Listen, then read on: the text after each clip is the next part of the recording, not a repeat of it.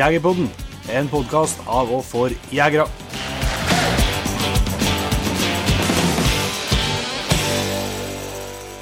Hjertelig velkommen til en helt ny episode av Jegerpodden. Jeg heter Jon Petter Meldingen. Hallo, jeg heter Jon Ingevik. Kjempebra. Kjempebra. Ja, du får sånn kjeft før jeg som om han oppfører seg. Ja, det blir sånn. I dag så skal vi til nordover i landet igjen. Vi har prata med Kristine Tybe Hansen, og kanskje bedre kjent som en av jegertvillingene, og hennes samboer Robert Bjørklund. Mm. Eh, om eh, alt ifra ja, jakt og mat, kjærlighet, det som er. Ja. Så her er en uh, artig episode, og jeg tror det går an å, å kose seg med.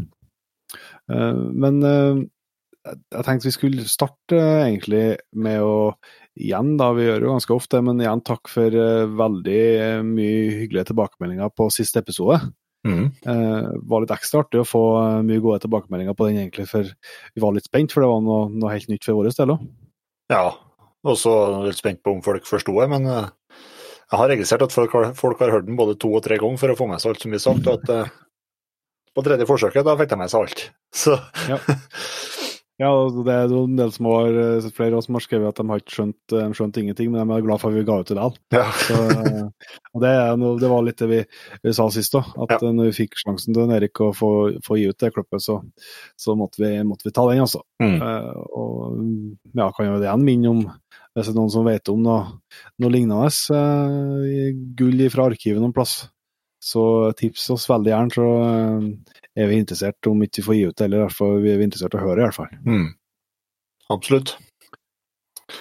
Eh, Men eh, i helga da, så var vi jo ute på, på jakt i lag og arrangerte vinnerjakta for et par heldige patriens. Ja. Begynner å jeg er ærlig med at det begynner å gå litt på sjøltilliten løs, her, at vi ikke skal greie å eh, få felt noe på våre, da, men eh, vi hadde nå ei fin helg igjen. Ja. Det er litt sånn dakkapo på, dakkapo på fru fjoråret, Men ja, vi kan jo si at det var forholdsvis bra hundearbeid, og loser har vi hatt, og litt feil dyr, og så ja, mista jeg en kalv på, på at det var litt korte dager. Ja, ja, og i hvert fall dårlig føre, da, først og fremst. Ja, ja ikke minst, da. Jeg det. Det, det, var noe, det var det, var helt krise, rett og slett. Ja, det ble helt håpløst, men det fikk jo finne Spesielt lørdagen ble det jo Jeg hadde noe uttak eh, og los på fredag nå, men eh, spesielt lørdagen ble det jo veldig bra sånn sett, da. Mm. Men først med Brutus eh, og eminent støkking fra, fra en unge lovende Vik eh, ned på, på postene, men det var feil, feil dyr der, da. Ja, det ble jo sånn når, når føret blir så dårlig, så vi brukte hele lørdagen. Det er derfor jeg brukte hele lørdagen på å gå og skue på losa. For det var jo ikke snakk om å komme inn på. Nei. Å Gå og skue på losa og, og, og postere på, på gang ganglosene. Mm. Men det funka nå, det. Ja, det gjorde det. Det ble jo regn på Regn, det er jo ganske dårlig kombo med litt snø, og så ble det regn på fredagen, og så slo om til skikkelig minusgrader på natt til lørdag. Mm. Så det var, så var det egentlig så dårlig føre som det, som det kan bli, da. Mm. Ja, og så sleit det jo såpass på hundfotene og greier, også, som søndagen, så ja, jeg har ikke ha uttak, men den, den ville ikke stå. Men det, det var egentlig bare det som skjedde på søndagen, for det var det var det har tæra på hundfotene, rett og slett. Ja. Men det var sikkert spennende jakt eh, med den eh, losen til Eiko, som dere var inne på flere, flere turer. og Det endte jo både med en Ivar som var med, fikk vel så vidt sikt på elg, og likeens eh, fikk noen eh, Øystein sikta på elg, og så skulle vel kanskje jeg hadde skutt inn til slutt, da. Mm. Men uh, kan du rote, rote, rote det. Ja, 50 redaksjon, men at du skal skutte den i hvert fall. Ja, ja det er sikkert, så langt unna 100 men, uh, nei, men jeg, kan jo, jeg er jo ikke redd for å dele, dele tabbene, men det var, jo, det var jo som du sa, at dere har vært inne på flere turer, Mm. og kom liksom aldri til skudd. Elgen hadde ganske bra kontroll på hvor, eh, hvor dere var hen, og klarte å holde seg unna. Til slutt så skulle dere gjøre et uh, skikkelig forsøk på å flytte vi oss rundt og sette oss uh, på noen poster framom, og dere skulle gjøre et, et seriøst forsøk på å støkke litt skikkelig vei, da, så Mm. vi fikk det på postene. Uh, og det fungerte jo bra, det. Det begynte å bli ganske så skumt. Helt liksom på slutten på det siste lyset som var. og så Først så fikk vel en Øystein på posten nedom så elgene. Fikk ikke å, å, å skjøte på kalven før de var for, for nært, for nært kua. Mm.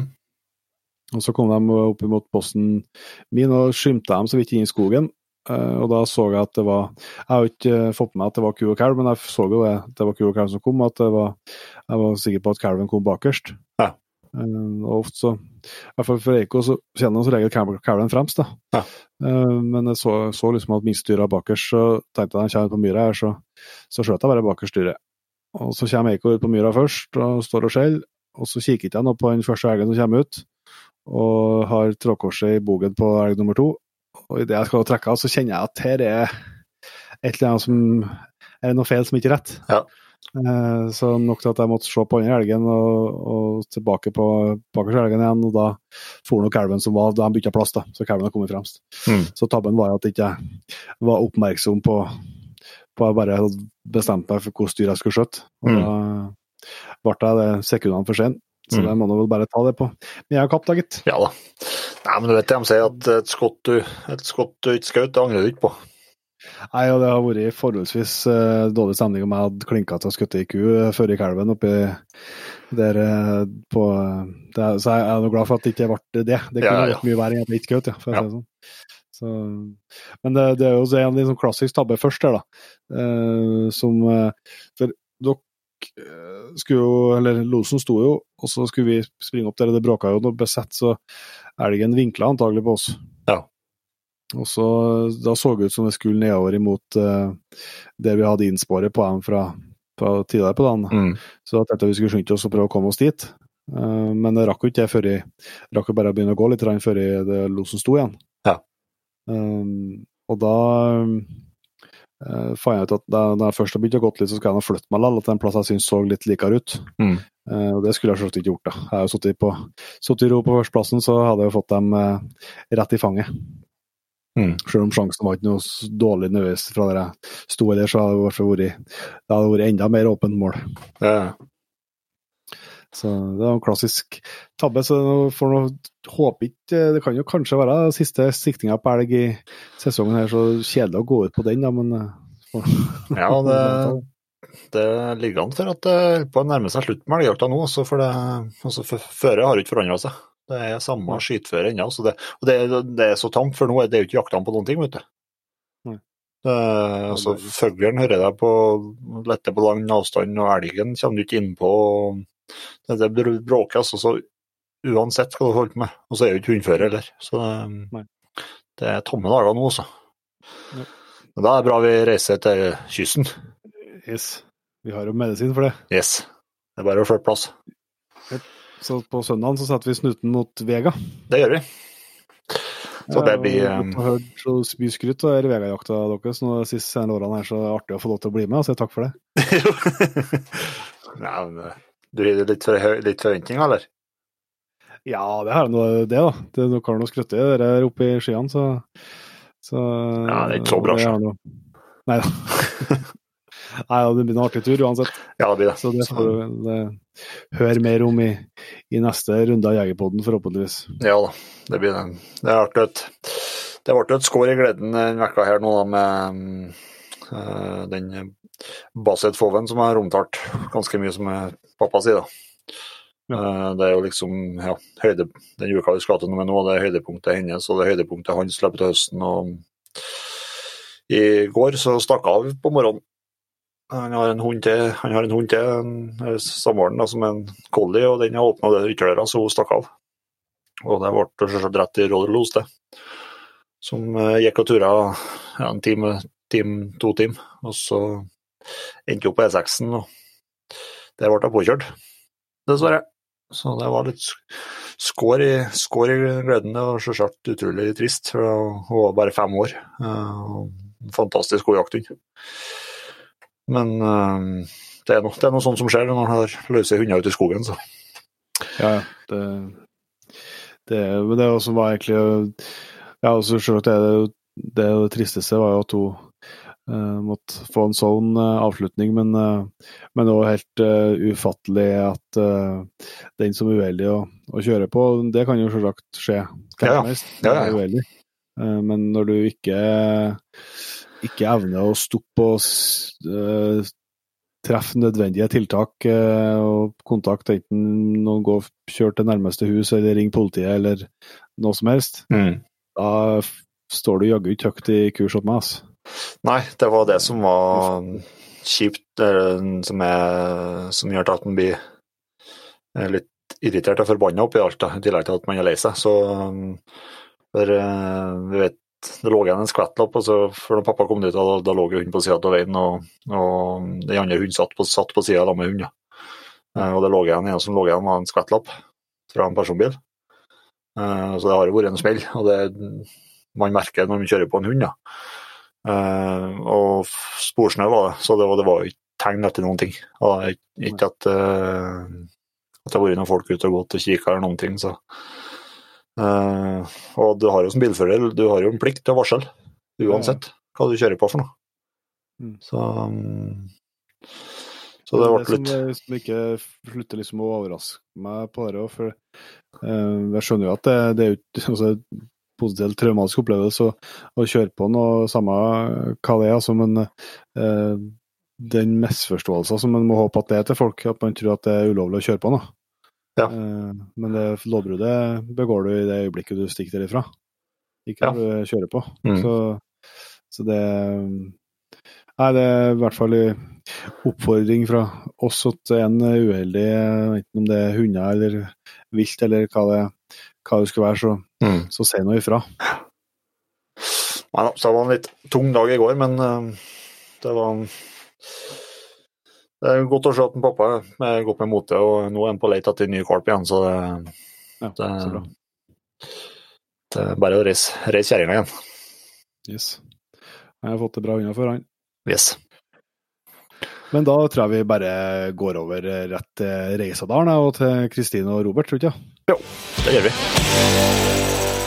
Da har vi endelig gleden av å ønske Kristine Tybo Hansen og Robert Bjørklund hjertelig velkommen til Jegerpodden. Hallo, hallo. Hei, hei. Tenk at Jegerpodden Jon Inge for andre gang i 2020 er i Reisadalen. Ja. Andre Det er gang. klart. Det skulle- vært før. Ja. ja, vi har prata med en eh, Gamst Å ja. Ah, eh, tidligere i vår. Yes.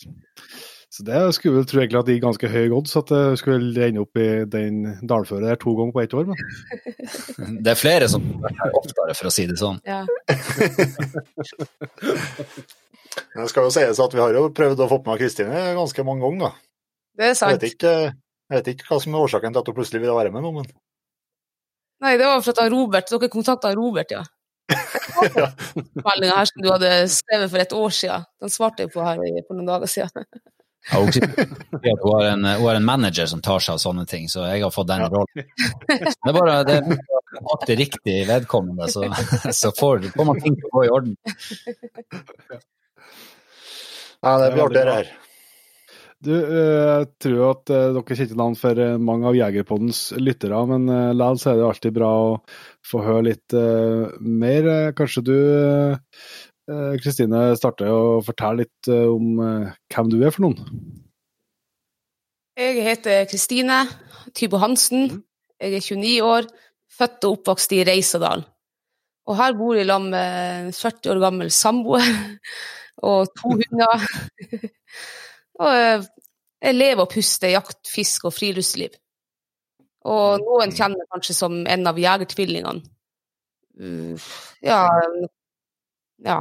Jeg vet ikke, jeg er veldig dårlig på å fortelle om meg sjøl, men jeg tror det var kort og informativt. Du glemmer jo å si at du er jegertvilling 1, faktisk. Jegertvilling 1, ja. Ja, du er født først. Jeg er født først, ja. Jeg kom to minutter før søstera mi. Eh, Hun holdt på å ta meg igjen der i holdet, men jeg måtte dytte opp igjen.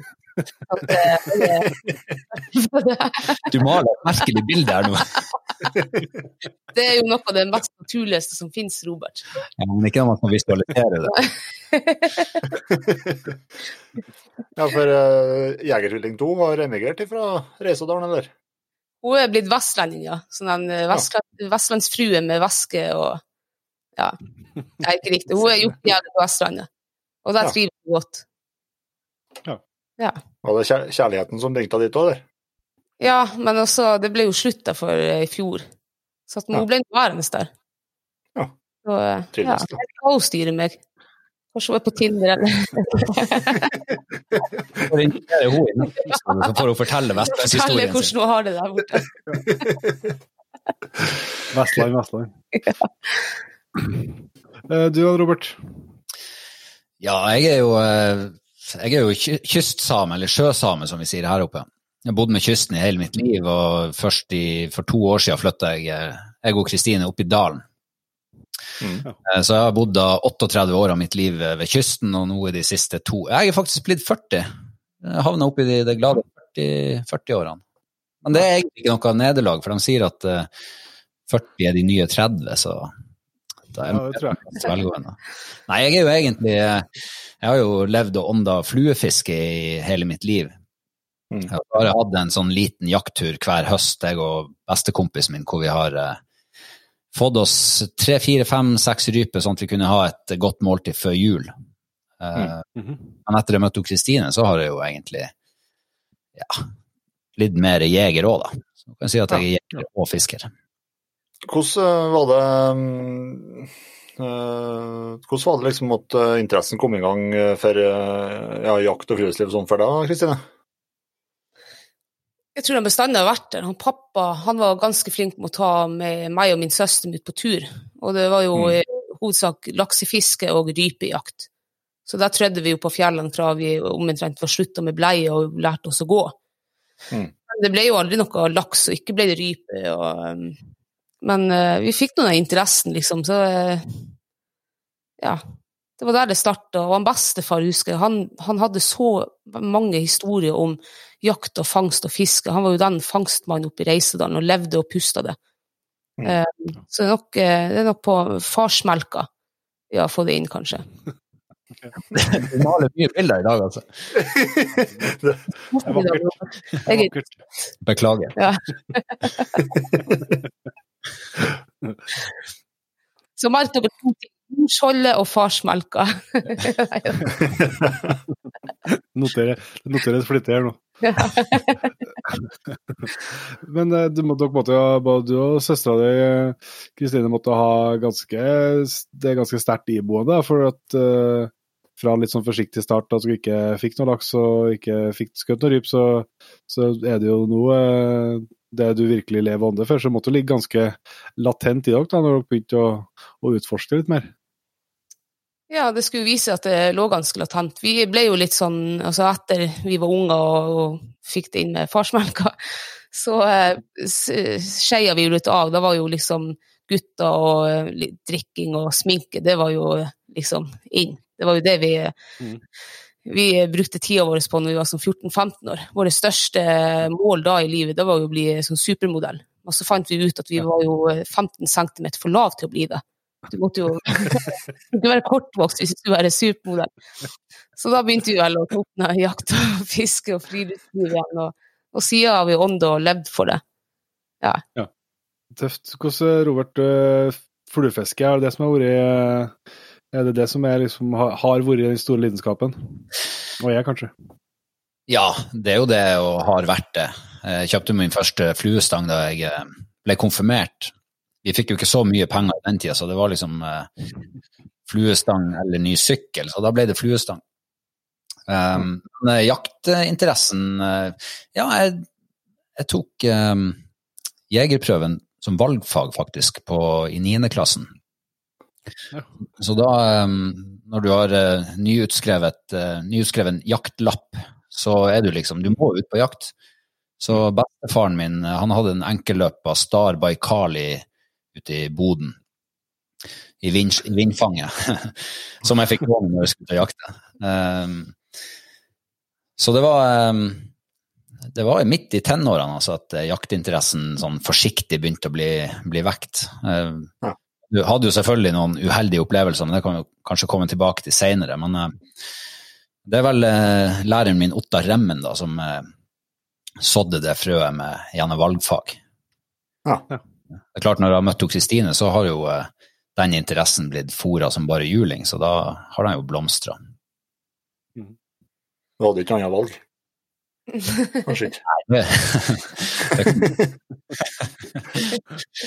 Nei, men det, man skal ikke, det der er jo egentlig sånn man, man utfyller jo hverandre når man, når man møter sin livsledsager, og det er jo faktisk fryktelig hyggelig å, å finne noen som, eh, som både deler samme interesser og som er åpen for å prøve nye ting og lære nye ting. Og, og der tror jeg vi begge to har vært eh, ja, veldig mottakelig for, eh, for den andre sin, sin liden, sine lidenskaper. At man på en måte utvikler, utvikle horisonten sin. Og det er jo begge, begge veier også. Ja. For jeg var jo ikke, den sto, jeg var jo ikke fluefisker i det hele tatt før jeg møtte Robert. Så han har jo mata veldig med den lidenskapen.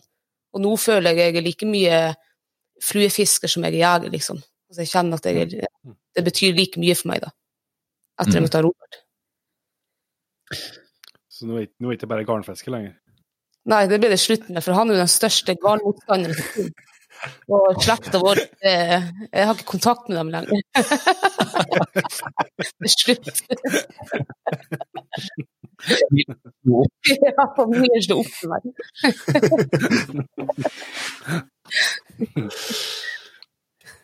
Ja, husker dere første, første viltet dere skjøt? da? Ja, det husker jeg veldig godt. Uff. Det. Men Ja, eh, fortell.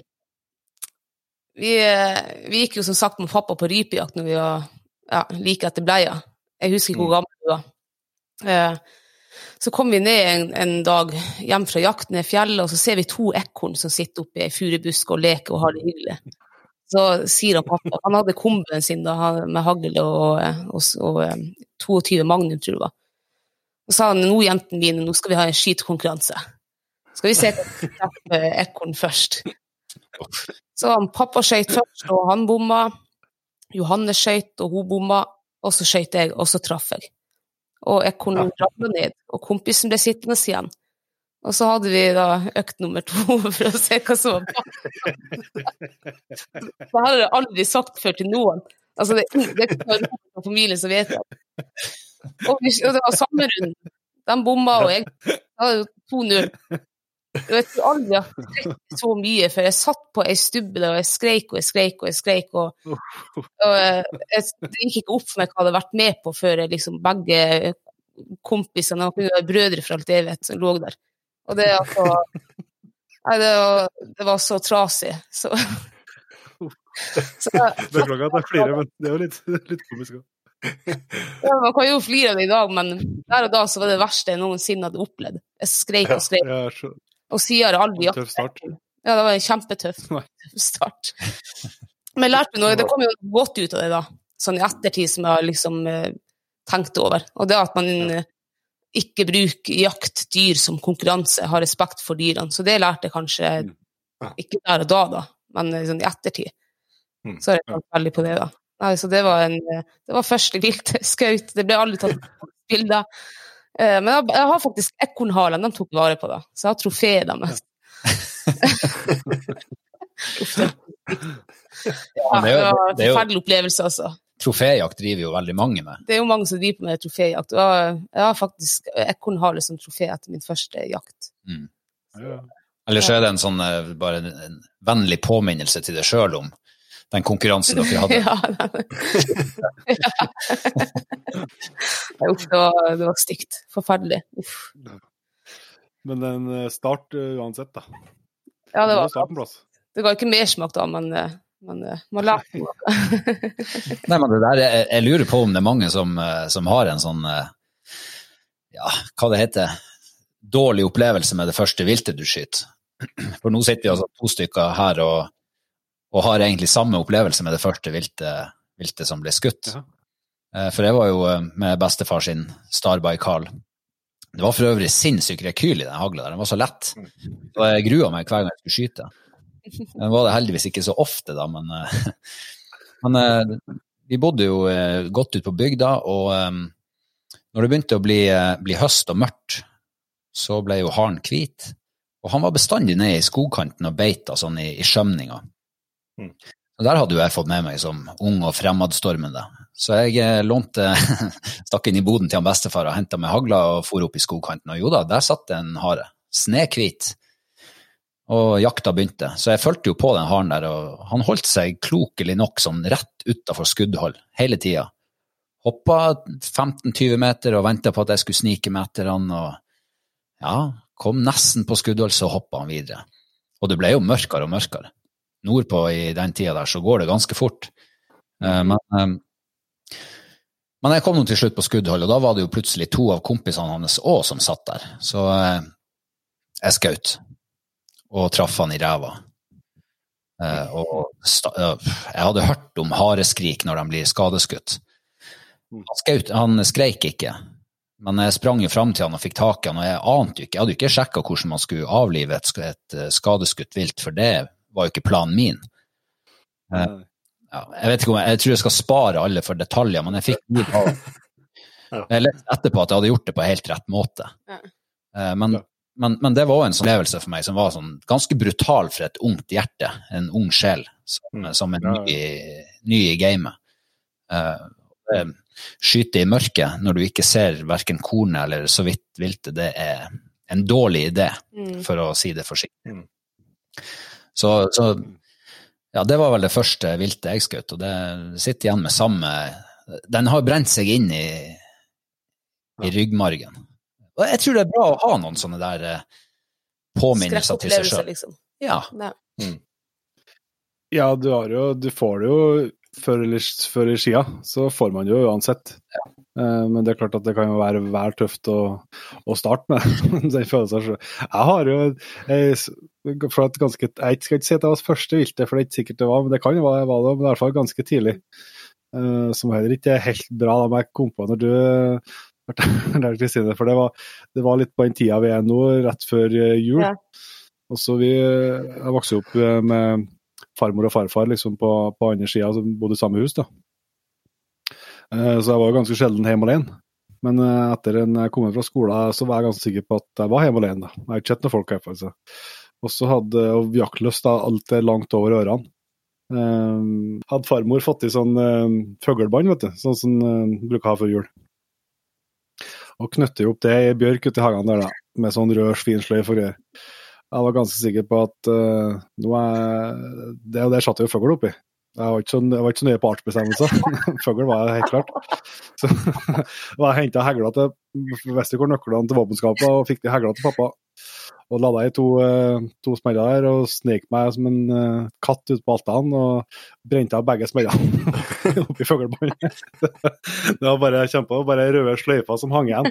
Så resten bare fugler bare med da kom, eh, da kom far, da var jeg, visste jeg var ikke hjemme alene. da. Farmor kom eh, Det var umiskjennelig fart eh, på fotene gjennom gangene hjem. og Det er faktisk for øvrig, for øvrig eneste gangen jeg har sett farmor forbanna. og du vet jo, Inge, du kjenner henne godt, hun, vet, hun, er ganske, hun er ganske tålmodig. Ja. Men da var det ikke noe skryt å få, nei. Det er skyldig hun er et fuglebarn. Godt å ha en farmor som kan komme og fortelle litt hvor skal ja. Det var ikke det siste jeg aldri skutt i fuglebarn etterpå, nei. Så, det, så jeg fikk Jeg skjønte beskjeden. Ja, det er bra. Så, nei, men det, det, går å, det, går an å, gå på noen smeller i, når jaktlysta tar helt overhånd. Og det kan jo for så vidt uh, man kjenne seg igjen i. Tror jeg skal, om ikke jeg har skjøtt fuglebånd, så er jeg fullt i stand til å kunne få til det òg. Ja, med unghunder og sånt, så kan en bli for ivrig noen ganger. Sånn er det bare. Ja. Men vi er jo sånn uh, i den podkasten her da, at uh, vi aldri helt blir kjent med gjestene våre før vi har fått hørt uh, hva de har i våpengarderoben. Jeg blir litt nysgjerrig på også hvis du, Robert, starter der. Hva er det du har med deg når du er ute og jakter? Nei, altså jeg er jo veldig lite utstyrsfrik på generell, generell basis. så for å si det sånn, vi har et lite standard våpenskap her i huset. og og det er plass til alle våre, begge våre våpen i det.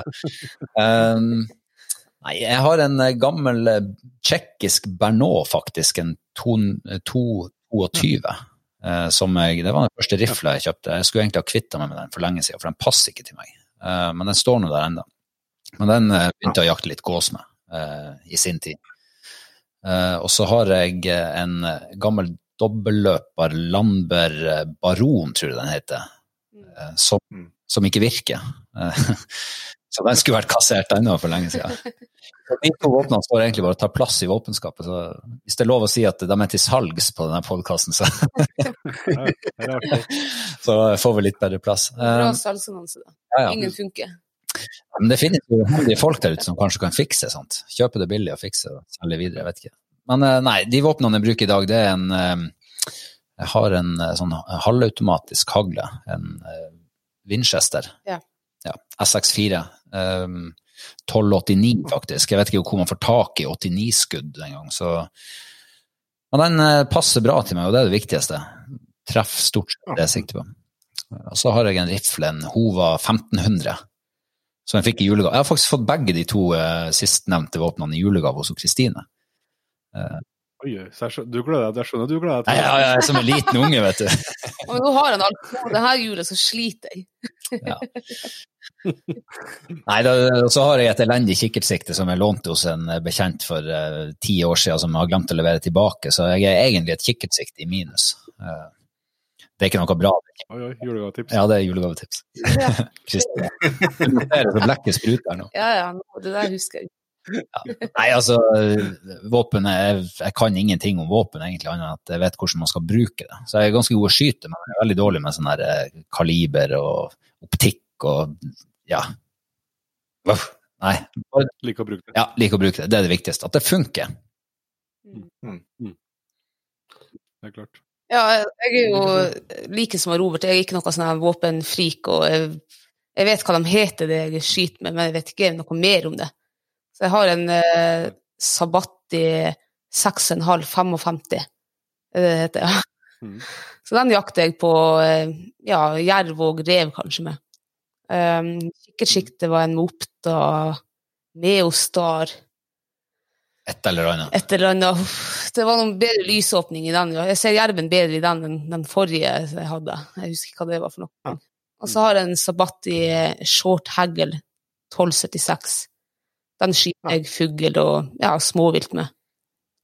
Ja. Det jeg har. Uh, ja. Den er jo veldig lett. Det funker. Det er mange som, Hagle er veldig lett, ja. ja, det er mange som har blitt veldig glad i sabati, Både på riffel og hagle. Mm. Ja, det er lette våpen, og det tror jeg er sånn Og så er det korte våpen. Jeg er jo ikke så lang i armene, jeg, så jeg trenger et, et eh, våpen som passer meg. Så begge våpnene passer meg veldig godt. Ja, ja. Og lett å ta med seg. Og, mm. Veldig bra. Vi har jo en del, del tema vi har eh, lyst til å, å prate med dere om, men eh, nå er vi jo eh, i desember. så det, Enten vi vil eller ikke, så begynner jo det å etter hvert markere slutten for høsten eh, sin del av jakta. Hvordan eh, har jakthøsten vært hos dere? Den har vært litt laber, altså. Um, vi har jo som sagt hatt en, eller vi har jo en støver, hadde en støver. Vi leverte henne tilbake til oppdretting i går. Um, Ja. Hun har vært mye ute med i håp om å få en jakte hare eller rev med, men det har jo ikke funka så langt. Og, eh, og ikke har det vært mye rev og hare heller og sett noe i høst. Og så har vi jo to fuglehunder som vi er på fjellet hos. kan jeg skyte inn noe der, Kristine? Ja, det kan du. Fordi at eh, vi bodde jo i Lyngen eh, da vi ble i lag. Mm. Så Kristine kom flyttende fra Reisadalen til Lyngen. Eh, og vi bodde der et par-tre par, år i lag, og så sa hun kan ikke vi begynne å flytte til Reisadalen igjen. Det er jo mye bedre å jakte, der er det mye bedre å fiske, der er det mye mer rev, det er mye mer fugl. Alt er bedre i Reisadalen. Gjort den overtale. Hva har skjedd? Ingenting. Det er steinetomt steine Telemark. tomt. Det er tomt for fugl, det er tomt for rev, det er tomt for hare. Det er tomt altså, Vi ser mer gaupespor enn vi ser rypespor. ja. Det er, det er helt krise. Ja, så den dalen er viltfattig etter vi flyttet tilbake hit. Jeg vet ikke hva som har skjedd, men først så var jo det her det evige jaktemarker, liksom. Ja, Hvis du dør, og så var det Reisedalen du liksom skulle det var hit du havna Det var hit du havna, ja. Mm. Men etter vi kom fra Lyngen, som jeg trodde var viltfattig, eh, så har det jo vært helt katastrofe her. Ikke er det fugl her, og ingenting. Nei, altså, gresset er grønnere på andre sida, gjerdet. Sånn har det bestandig vært, og sånn kommer det til å bli. Så det er mulig vi flytter tilbake til Lyngen. Ja, og jo Lyngen ble flyttet hit. Men uh, unnskyld for den lille avsporinga. Nei, nå husker, jeg husker ikke hvor det kom nå, så det er greit. Altså, men det, så, men hvordan eh, er dere eh, Er det mest rypejakt du bruker hundene på? Dere bruker hundene på fuglehundene, eller både på rype og skogsfugl? Det er både Vi starter jakta 21, eller 15. august da, hvis det er gås i området. Men som regel så gåser vi også fordufta ifra etter vi kom hjem igjen. Mm. Så vi starter gjerne på andejakt med fuglehundene våre. Eh, 21. august. Så vi bruker dem på and, vi bruker dem på eh, rype, skogsfugl, gås. Ja, jeg har til og med en eh, hund som loser hare, så jeg har felt masse hare i, i eh, los for irsksetteren min. Så at, eh, veldig allsidig. Jeg, bruker, jeg liker at de er allsidige, for jeg, har, jeg skyter alt som de kommer. Hun har til og med jaget jerv til meg som toåring. Det var helt sykt. Ja. Det var første jerven jeg også så sånn, ja, uh, in real life. I skogen. Ja. Og da husker jeg da jeg og kompisen min gikk på jakt, og da ser jeg hun eh, Fight og søstera til Fight kom jagende inn med en jerv foran seg. Og jeg brøler jo til han som står rett foran meg. «Øy, Jerv, jerv! Jerven var jo på 50 meter og rett inn mot oss. Så hadde jeg holdt kjeft, så hadde jeg sikkert kunnet skutt uh, jerv for uh, irsksetterne våre. Han bråkte da. Og, det som overraska meg da med jerv, for jeg var jo allerede da begynt liksom å bli litt nysgjerrig på jervejakt og hørte liksom, hørt en del om dyret. og de var så sky og redde, og liksom, du så han ikke så ofte. Og... Men det som overrasket meg med den jerven, det var at han, han var ikke så redd, og så han var mer nysgjerrig. Han stoppa opp og sprang bare noen skritt, og da satt han liksom bare og kjeik og studerte på oss. og liksom Han, var, han virka ikke redd og sky som jeg hadde hørt. Så det var litt artig. Nei, så Siden dere spør hvordan jakta har gått i høst, så har det gått fryktelig dårlig. Eh, Ja. Vi har vel hatt én rypemiddag så langt, eh, og en, ja. en tiurmiddag, eller to. Jeg skal skutt mer tiur her, eh, storfugl i Reisedalen, enn rype i år. Ja. Det er jo helt utrolig. Ja, Så det er, litt, det er litt magert. Det er nok et magert år her oppe. Vi tenkte jo i fjor at eh, nå må bunnen være nådd, men den var jaggu ikke det. Bunnen er trukket ut av eh, ja, Proppa er ute. Så Ja. det Kanskje viltet, viltet fikk med seg at dere skulle flytte tilbake fra Lyngen og trekke det ut av dalen? Ja, det må være noe sånt, ja. For det var jo dyreliv overalt. Det er mye sånn klimaforandringer, tror jeg. Ja, jeg vet Vi må skylde på noe. Jeg får håpe at, håpe at det snur, da, men eh, da trenger vi ikke å drive og, og grave noe mer. Men det kan ha hatt noe Det, det er vel noen fine stunder med fuglene likevel, sikkert. da. Jo, ja, ja, herregud. Det er jo, det er jo Vi hadde jo en tur på noe i helga som var, og det var jo eh, Det er jo mørketid her oppe nå, så dagene er jo korte. Mm. Men eh, man, mange har begynt å kalle det for fargetida, så det å være ute på denne tida av året, hvor du, du ser mot sør, og så brenner himmelen. Eh, lilla, oransje, rødt, Mm. og så snur det mot nord, og så er det iskaldt blålilla. Så, så hvis man klarer å, eh, å glede seg over de ja, naturen, rett og slett. Mm. Eh, Det du opplever, suge det inn, lagre det baki der til en annen gang, så er det det. Og det er faktisk det, er sånn at det var det vi stoppa og tok bilde av nå i helga. Det var lyset. For det, det er Mm. minne, minneverdig. Vi må jo fokusere på det positive når vi er i den viltfattige dalen og jakter. Så. Vi har lært å sette pris på naturen og andre ting. Vi har funnet ut at vi skal begynne å gå på tur, ikke på, jakt. Men det, du var jo inn på det sjøl i starten her, eh, Kristine, at, eh, at du er en av, eller halvparten av jegertvillingene, eh, og, mange kjenner jeg selvsagt eh, fra det. men eh, og vi, og og, mange som hører på Jegerpodden, har jo sett, sett det meste av eh, de sesongene som har gått på TV nå. Men det som i hvert fall ikke jeg vet noe som jeg gjerne skal vite litt mer om, det er hvordan, hvordan starta liksom den, eh, den reisen der? Altså hvor eh, eh, Det er jo det er jo et steg eh, liksom fra at dere jakta og kosa dere, eh, til at man plutselig er TV-stjerne. Ja, absolutt. Eh, Det starta jo med at jeg eh, Det hele starta med at jeg fikk en telefon fra NRK. De hadde hørt om ei jente oppe i Reisedalen som jakta gaupe og jerv. Og det her hadde jo de lyst til å lage en, en dokumentarfilm ja, av, da. Og så sa jeg jo at jeg hadde en tvillingsøster som også jakta. Og da var de jo enda mer interessert, og det gikk jo fort, alt det her. Altså, vi kom jo i gang med å produsere da en, en, en dokumentar. Så når vi var midt i produksjon, så fikk jeg telefon fra VG, altså, ja, VG. De ville la, ha oss med i det jaktbilaget de har hver høst i avisa. Okay. Så de kom nå hit opp og lagde en sånn ja, vi hadde vel fire sider, tror jeg, i aviser. Men i tillegg så lagde de VGTV. Eh, det var jo ikke en del av planen, men jeg vet ikke om de syntes sikkert vi var artige som satt og røkte og bantes og tenkte at det her vil være film. Så det ble noe VGTV også av oss, da. Helt uforberedt. Og eh, dagen etter det her VGTV-greien var lagt ut på Eller samme dag som det var lagt ut på, på nett og, og avis og sånn der, så var det jo helt katastrofe på telefon.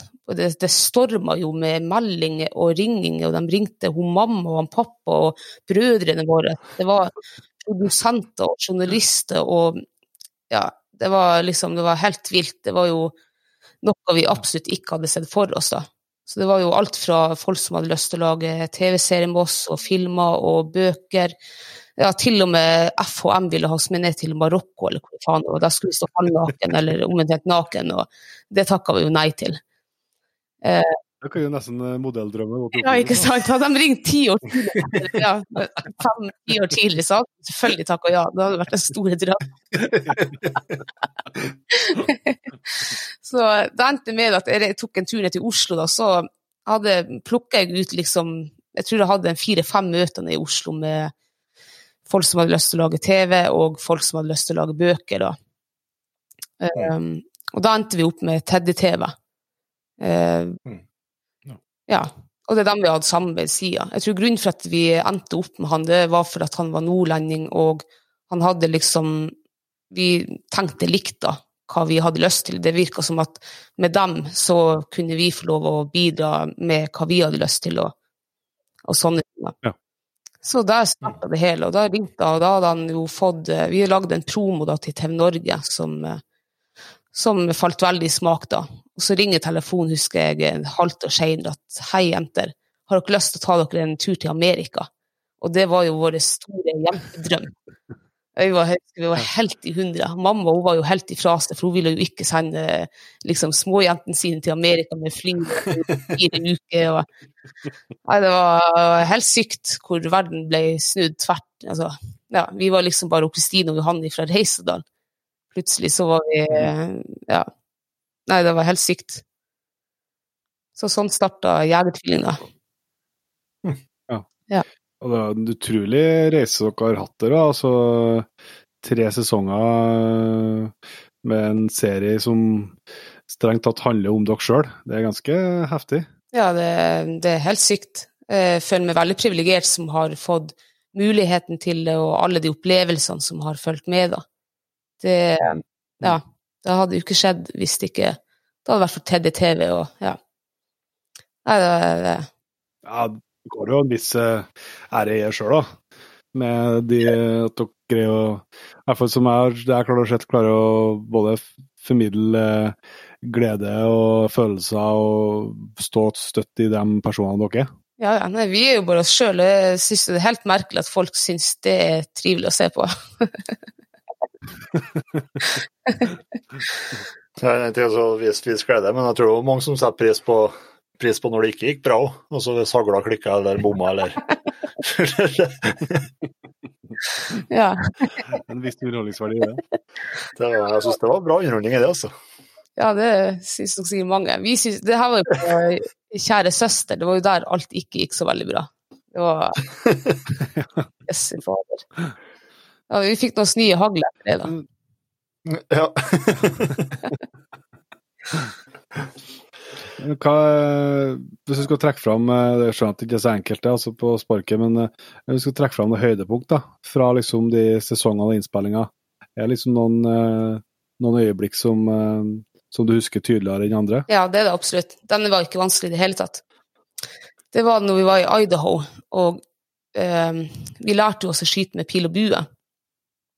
Mm. Vi var der nede i fire uker, og vi starta opptreninga med pil og bue fra dag én. For vi visste at uh, siste uka så skulle vi på jakt med dem. Vi visste ikke hva vi skulle mm. jakte på, for det hele var jo liksom sånn overraskelsesmoment de hadde lagt til. Så vi visste aldri hva vi skulle være med på. Vi visste bare at det her, det måtte vi trene på, da.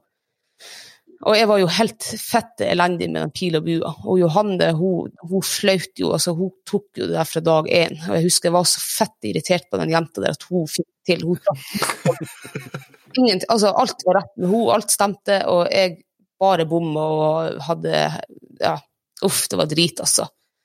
Og så skulle vi på jakta, uh, og så fikk vi hver vår sånn veileder. Og jeg fikk min veileder, han Tom. da gikk jo alt. jeg begynte jo å treffe blink og Jeg tuller bare. Mulig å være kjekk, altså. Han var en veldig god veileder. Altså, jeg, de, de, eh, siste dagene før vi skulle på jakta, så følte jeg at jeg begynte å treffe blink og skjønte liksom ja, skjønte greia med den pil og bua. da. Så mm. det jeg skulle fram til, da, det var den opplevelsen med når jeg fikk felle min første antilope. Eh, det er nok den jeg setter høyest eh, over alle opplevelsene som vi fikk oppleve gjennom Jegertvillingene. For det var mm. helt det, ja, det var en helt syk opplevelse. Det må bare oppleves. Det var så rått å få inn det dyret på så kloss hold. Det er nesten som å jakte med hagle, at det, liksom, pil og bue det er enda mer, du må være enda mer stødigere, og du har bare den pila som skal treffe dyret. Og, så det å mm. få dyret så mm. nært på det, og så klarer du faktisk å lykkes med det, det var helt sykt. Ja, det var en rå opplevelse. For det ble ganske mye skriverier og, og oppmerksomhet på dere når dere uh, valgte å ikke, ikke skjøte jeg husker ikke hvilket dyr det var. Var det bison? var det? Ja, bison var det, ja. ja. Stemmer det. Eh, det tror jeg faktisk kom eh, veldig overraskende på mye folk. For jeg tror folk hadde den oppfatning av oss at vi var veldig skytekåte. og ja, Vi var to jenter som røkte og bantes og skøyt, virka det som. Mm. at folk ja. eh, kjente oss igjen i det. Men det var vi absolutt ikke. Vi hadde jo eh verdier og, og, meninger og jaktmoral. Mm. Så eh, vi visste vi skulle ut på bisonjakt men vi visste jo ikke at det skulle foregå inn i en innhegning før vi faktisk var i den innhegningen der. Og når vi kjørte rundt med den bilen der eh, med, og så de der fòrautomatene som sebra sto og åt på, og bøffel og bison, og det var Jeg, jeg satt med tårer. og det, Heldigvis hadde jeg solbriller på den dagen, for jeg skreik fra vi kom inn i den innhegna. Og jeg sa til produksjonen at det her ville jeg ikke være med på. Men pga. respekt for eh, de jakt, eh, jaktguide, altså dem vi hadde bestilt den jakta for, da. Mm. Eh, så ville han at vi skulle prøve å holde ut helt til vi kom til faktisk jaktsituasjon. Ja. Så vi gjorde nå det da med mye om og mann, og, og, og vi kom fram til det punktet at vi, de hadde lagt de, altså Det var jo ikke jakt, de la jo opp rifla til oss på den jævla skytestokken, og liksom alt var mm. Det var helt uvant for oss. Nei, da måtte jeg bare takke nei, for det der var faen ikke jakt. Det der var som å gå til eh, nabobonden her også i bygda og så skyte ku, altså sto og åt på, på eh, silo eh, Ja. Nei, det var helt sykt. Så det Ja. Jeg tror det var ganske mange som endra ja, som du ser, som endra Som ble litt overraska over dere, altså. Ja, jeg tror det. Det ble stilt fra noe det ikke, ja. den tida. Ja. ja. det er helt tyst. da fikk dere litt, litt sjansen. ja. hvordan, hvordan, var det dere? Det jo, vet jo litt kanskje at det kan, kan, bli mye både skriverier og trusler og alt mulig rart eh, når det er jakt på, på, på TV. Berga dere bra for sånt, eller eh, fikk dere, fikk dere en del av det? Vi har fått en, eh, en del av det. Det begynte jo Altså, vi har jo fått høre det siden vi jakta rev. Da fikk vi jo allerede da fikk vi drapstrusler, for det jo mange herrens år siden. Så mm. det pøser jo på oss når vi kommer på TV. Nei, det går inn ene øre og ut det andre. Det, jeg, jeg, jeg, bryr meg ikke, jeg tenker ikke, jeg bruker ikke energi på å bry meg om det, da. Mm. Det, det, er enda dags dato, så det er ikke en jævel som har kommet opp i ansiktet mitt og vært liksom ufin og usaklig. Så jeg ser det er jo bare nettroll som er fette feig og bare sitter og raser av seg på tastaturet. Så det er, mm. ikke, det er ikke stor trussel. Ja. Jeg, har ganske sånn tydelig inntrykk, i hvert fall det jeg klarer å se i, i, på Instagram og sånt. at eh, Jeg, synes, jeg opplever at uh, damer får jo enda hardere medfart da, mm. enn uh, hva vi karene gjør når det kommer til sånn uh, Vi har jo fått nå, men, men, det har jo sånn stort sett handla om gaupejakt. Mm. men, men jeg har ganske tydelig inntrykk av at det, det er mange som får kjørt seg mye hardere enn eh, hva vi får. Ja. Mm. Mm. ja jeg sitter med samme inntrykk. Jeg synes det er litt merkelig, egentlig. Men det virker som mm. at uh, jenter ikke skal få lov til å gå ut på jakt, og hvis det er liksom noe å ta dem på, så er vi enklere bytte, da. Jeg vet ikke. Mm. Men jeg har lagt merke til det mye med jenter som får pes hvis de, stiller, hvis de sitter med en, en rev eller en elg eller hva det måtte være, da, enn en Ja. mann. Så jeg ser jo gutter på tur, de er jo ute og jakter og er elendige og skyter. Har de noen gang fått Jeg har aldri sett skriverier om dem på sosiale medier. Nei. Men straks det er en jente liksom som eh, er avbilda med våpen eller, eller ja, så er det et Mm. helvete. Det er veldig rart. Ja. Sånn skal det jo ikke være. Nei, nei, nei. Det er, nok en, eh, det er nok en del av dem som er i den eh, nettroll-ligaen som, eh, som syns det blir ekstra sint. Ja. Det går an å forestille seg noen, noen hvem det kan være. Ja. Men uh, vi må heller snakke om, uh, snakke om eh, hyggeligere ting enn uh, en, folkene der. Det er jo interessant å, å høre, høre om det. Men hva, hvis vi skal runde av Jegertvillingene på TV-praten, da, hva er det noe Jobber dere med noe, noe nye konsept, eller eh, hva er ståa der? Ja, vi driver jo og drodler litt om med noe nytt, eh, men det er ikke helt bestemt ennå. Det som er bestemt, er at Jegertvillingene ikke blir mer, per dags dato i hvert fall. Okay. Så, men vi har nå noen spennende eh, ideer og drodler litt rundt om forskjellige. Så får vi bare se om det blir noe. Jeg har jo veldig lyst til å fortsette med det, det er jo dritartig. Så Mm, eh, vi får se om det blir noe mer. Men Robert, det er jo fristende å spørre, da, var det TV-statusen som gjorde at, eh, at du falt for Kristine, eller? Det er kjendis... uh, Eh, nei, det var det ikke. Eh, Hvis dere hadde visst hvor mange måneder og år jeg har kjempa for den mannen her, så, jeg følte meg fanga til slutt, så jeg var nødt til å takke ja til eh, tilbudet hun kom med om å være kjæreste. Så.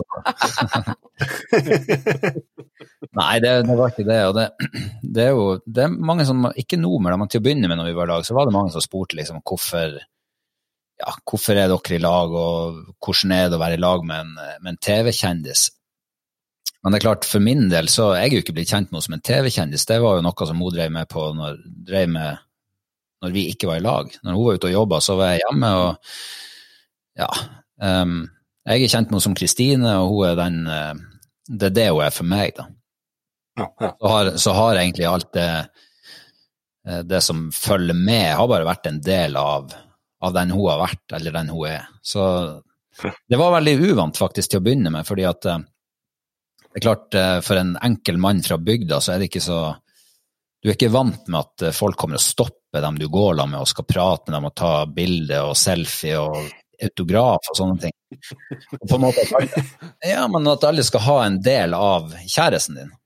Um, Ja. Så det var fryktelig uvant til å begynne med. Og det tok Ja. lang tid før jeg Det handler jo om å finne sin rolle oppi det der òg, ikke sant. Jeg er jo ja, kjæresten hennes og skal ha en eller annen, et, skal være et ansikt i alt det der. Um, Mm.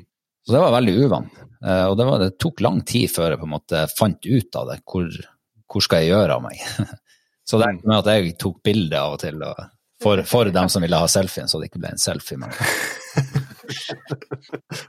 men eh, samtidig Det er jo fryktelig, eh, fryktelig artig òg, fordi at eh, jeg har jo også fått vært med på ting som jeg aldri ville ha fått vært med på hvis jeg ikke hadde vært kjæreste med Kristine.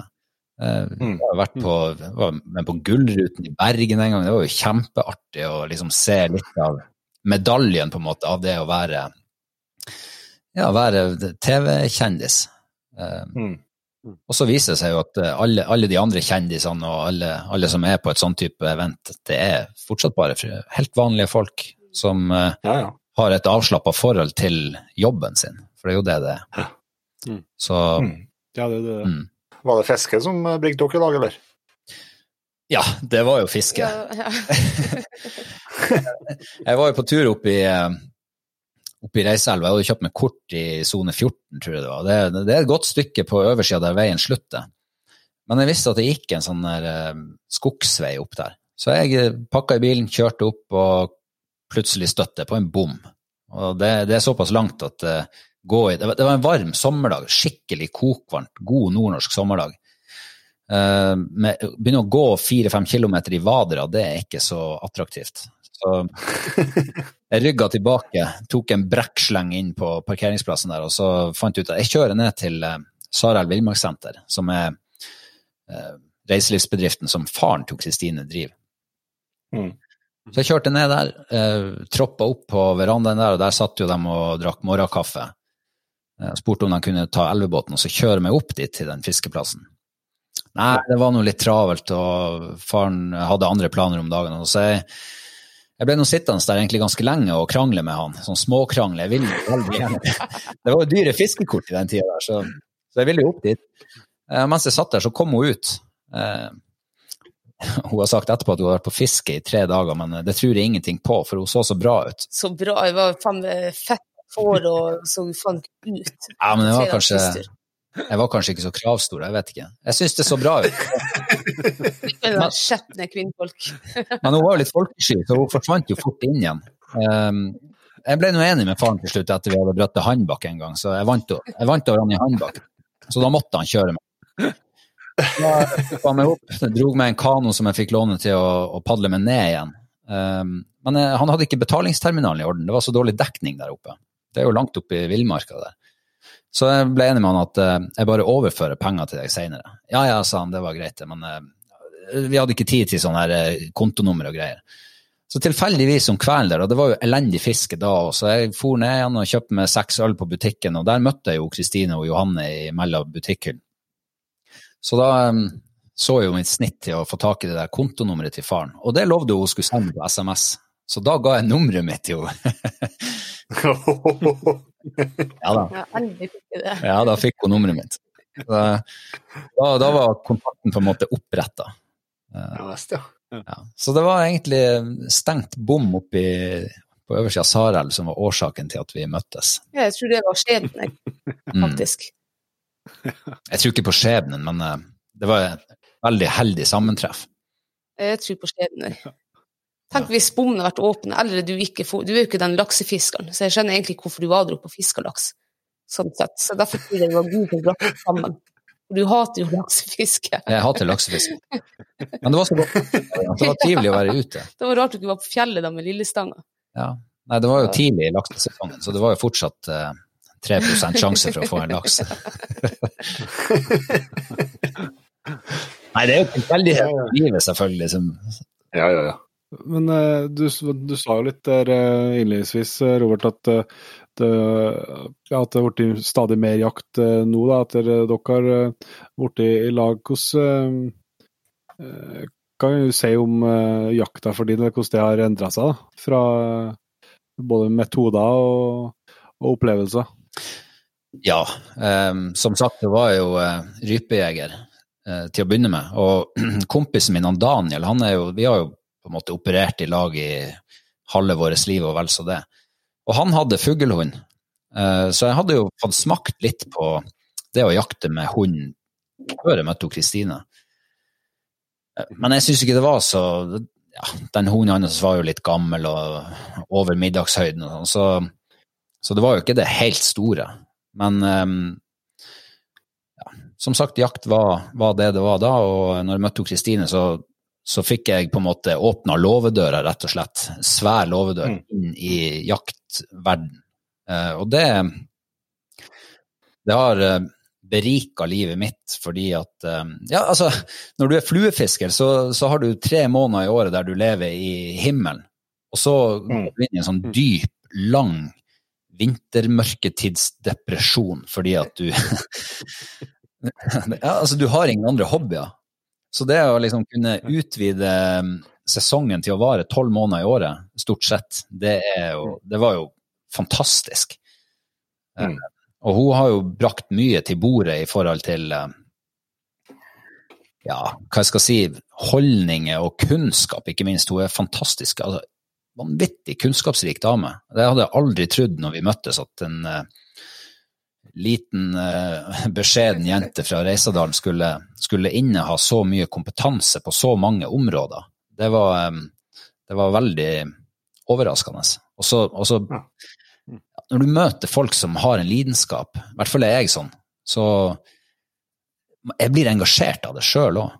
Så det er jo Ja. litt Eh, og- og- ja, det gjør det. Enten du driver med frimerkesamling eller, eller jakt eller fisk eller samler på bilskilt eller hva det måtte være, så er du virkelig lidenskapelig opptatt av det du driver på med, så smitter det over på dem som er rundt deg. For det handler noe om å formidle det.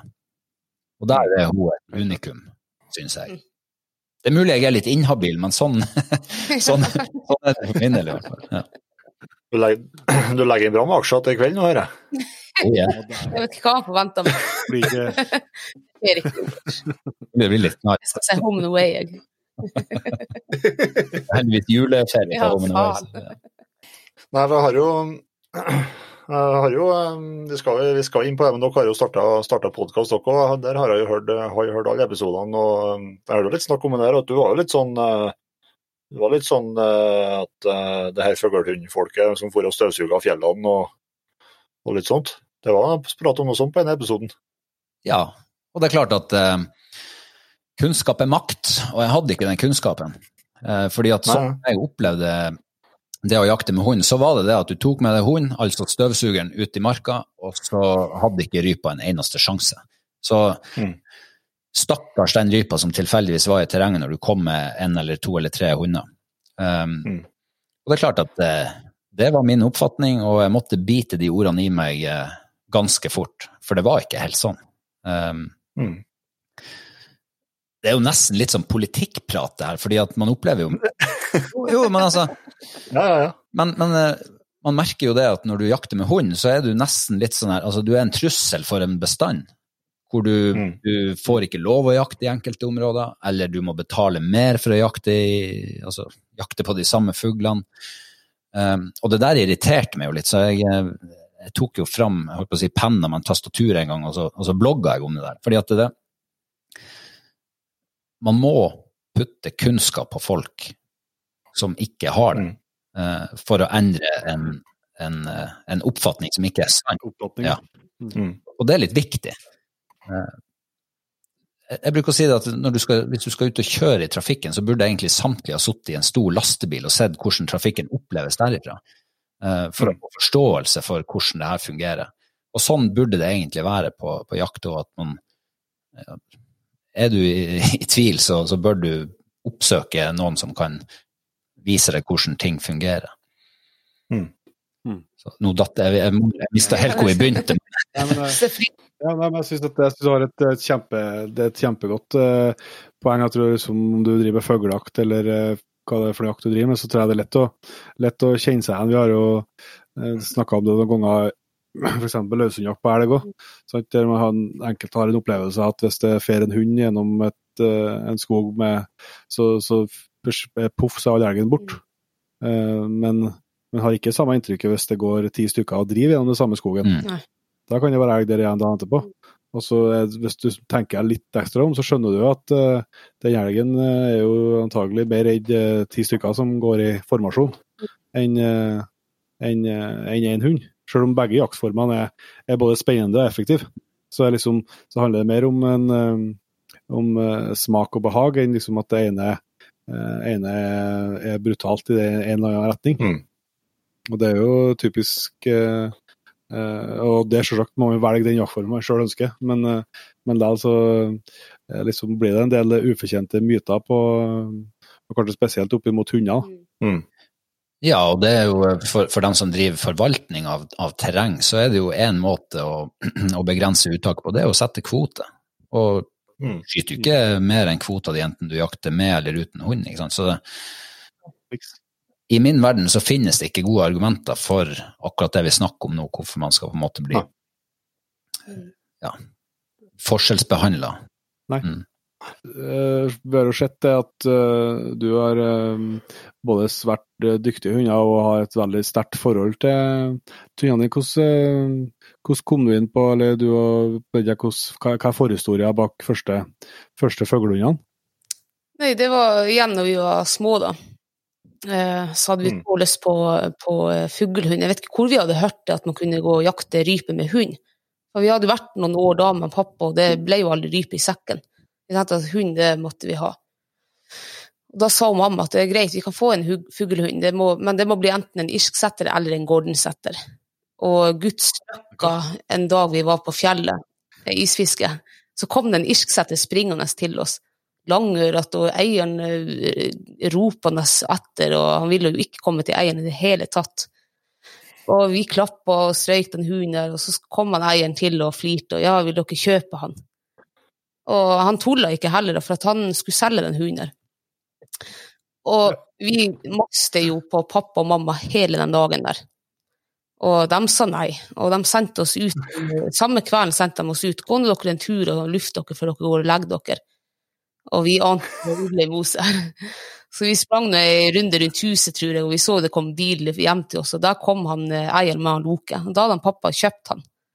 Så da var det starten på, eh, ja, på vår uh, fuglehundliv, da. Vi, vi begynte med Loke da. Vi var, vi var jo ikke gamle jentene da. Vi gikk jo på jakt med han i bånd. og hver gang hunden stoppa, så trodde vi jo at det skulle være rype der. Han stopper jo som regel og pisser eller lukter på ei anna pisslukt fra en annen hund. og Det var, det var jo aldri rype der han stoppa liksom og, og sto i stand. For vi hadde jo lest at stivner hund, så er det rype der. Men det Så når vi hadde gått noen år med han i jakt på, i da, så var det noen som sa at dere må jo slippe den hunden der. Nei, faen, det kan vi jo ikke gjøre, sa vi. Da springer altså, Han springer jo tulling, han drar jo vekk fra oss. Og. Men vi slapp nå den hunden, der, da. Og ja da, han fant fugl, og han sprang jo etter dem en kilometer over til fylkesgrensa, og de rypene så vi jo aldri mer igjen. Så at, eh, men da var vi begynt å bli såpass gamle at vi begynte å liksom lese oss litt opp og interessere oss mer for hvordan man trener en fuglehund. Så eh, eh vi fikk faktisk vi fikk fuglehund av han da han var åtte år gammel. Da hadde han sin første stand, og vi begynte å jakte med han. Og jeg skjøt tiur og ender og rype for en hund der. Så kjøpte jeg egen fuglehund da jeg var 17 år gammel. Og ja. var også isjetter da, selvfølgelig. Så siden har jeg hatt hunder i livet. Ja. Det, det, det har hatt ganske, det har hatt en del, del hunder opp igjennom nå? Ja, det det har jo ikke blitt så mange som har vært igjen her, da. si, men jeg har, jeg har, visse krav faktisk til en hund. Jeg mener at en, eh, en, hund skal først og fremst være en god familiehund, for du skal jo tross alt leve med han 24-7 eh, i altså, mm. hvert år. Så den skal fungere først og fremst som familiehund, og så skal han jo ha god helse og alt det der. Men så mm. er det jo like viktig for meg at han faktisk jakter, at han har lyst til å være med deg ut på jakt. Det skal ikke mm. være sånn at han skal vegre seg eller være viltsky. og så det har jo blitt noen hunder opp gjennom årene etter det, at jeg har fått hunder som har vegra seg og vært litt viltsky og litt lite lyst. Og, og jeg tenker sånn at jeg, jeg gidder ikke å kaste bort tida på en som ikke har lyst til å være med meg ut på tur. da. Og det jeg tenker at det er, det er ikke verdig verken for meg eller for hun. For, for hun sitt tilfelle så hadde det vært Han måtte jo ligget igjen her da i hele sitt liv. Vært sofahund. Og det er jo ikke noe liv for en hund. Så jeg har nå gitt vekk noen hunder og solgt bort noen hunder som ja, familiehunder, og, og, noen har det kanskje blitt jegere av også. Men jeg mm. krever litt mer ifra en hund, siden jeg, ja, jeg puster og ånder og er så mye ute og jakter som jeg gjør. Men Hva ser du etter uh, sjøl, når du uh, leter både Du har hatt kull uh, sjøl og, og, fått i hva, hva, skjer, hva ser du etter, da? I, I linja og sånn? Ja, jeg ser først og fremst etter gode samarbeid, altså kontakt og, og samarbeid. Og, og villfinneregenskaper og, og, eh, og jakteegenskaper er jo like viktig. Eh, det jeg ikke er så begeistra over når jeg kikker på Nå har vi jo et fantastisk hjelpemiddel, det er jo Dogweb. Da kan du faktisk mm. se hva de har prestert på jaktprøver. Um, så det jeg ikke er fan av etter, det er tomstander. Det, det vil jeg ikke ha i det hele tatt. Så det styrer jeg unna. Altså, hund kan gjerne ha noen tomstander, selvfølgelig, men hvis det er et mønster igjen hele livet, og, og, du ser det på dogweb, så er jeg ikke interessert i det. Da vil jeg helst ikke ha kvalp eller, eller pare, liksom. Så jeg, vil, jeg er helt ute etter å, å eh, forbedre rasen og, og, forbedre det individet du har da, som du skavler på. Mm. Mm. Ja. Men jeg legger veld, veldig mye vekt på, på eh, jaktegenskaper og, og viltfinneregenskaper. Har du hatt mange kull, eh, mange kull du, da? Nei, jeg har ikke hatt mange kull. Eh, har, fire kull har jeg hatt. Det første var jo helt katastrofe. Da var jeg jo ung og uviten. Jeg hadde jo kjøpt hund som 17-åring da for 30 000 kroner. En treåring som eh, Hun var ikke verdt halvparten av pengene, for å si det sånn. så jeg, måtte ha kull på den tispa der for å få tilbake pengene mine, følte jeg. Så, og jeg kunne jo ingenting om hunder der. Så jeg tok jo den første og beste hannhunden jeg fikk bruke. Og så møtte jeg jo hannhunder når jeg skulle levere kvalpene. Kvalpene var jo født og, og, og solgt. Så fikk jeg møte hannhund. Og han var jo så aggressiv, og han holdt jo, jeg skulle hilse på ham, han holdt jo å bite meg til blods. Så jeg tenkte jo at herregud, hva i faen er det jeg har gjort for noe? Jeg har avla på det her. Og det viste seg jo faktisk at det halve, halve kullet, eh, første kullet mitt, de ble aggressive. Og det er jo helt forferdelig. Så eh, dum som jeg var, og uviten som jeg var, men jeg lærte noe av det.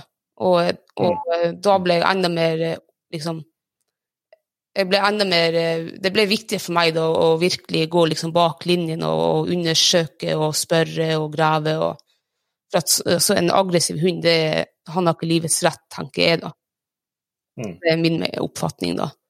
Eh, og selvfølgelig, du kan jo ha usikker, altså du må vite forskjell på en usikker hund og en, aggressiv hund. Men han var, aggressiv, er ja, han var dominant og aggressiv, og det, var, det er sånn du ikke vil ha i familie. Altså, ja. Er klart. Så, eh, men de to siste, ja, altså de tre siste kullene har jeg, eh, har jeg vært mer eh, eh, bevisst, da. Eh, Mm.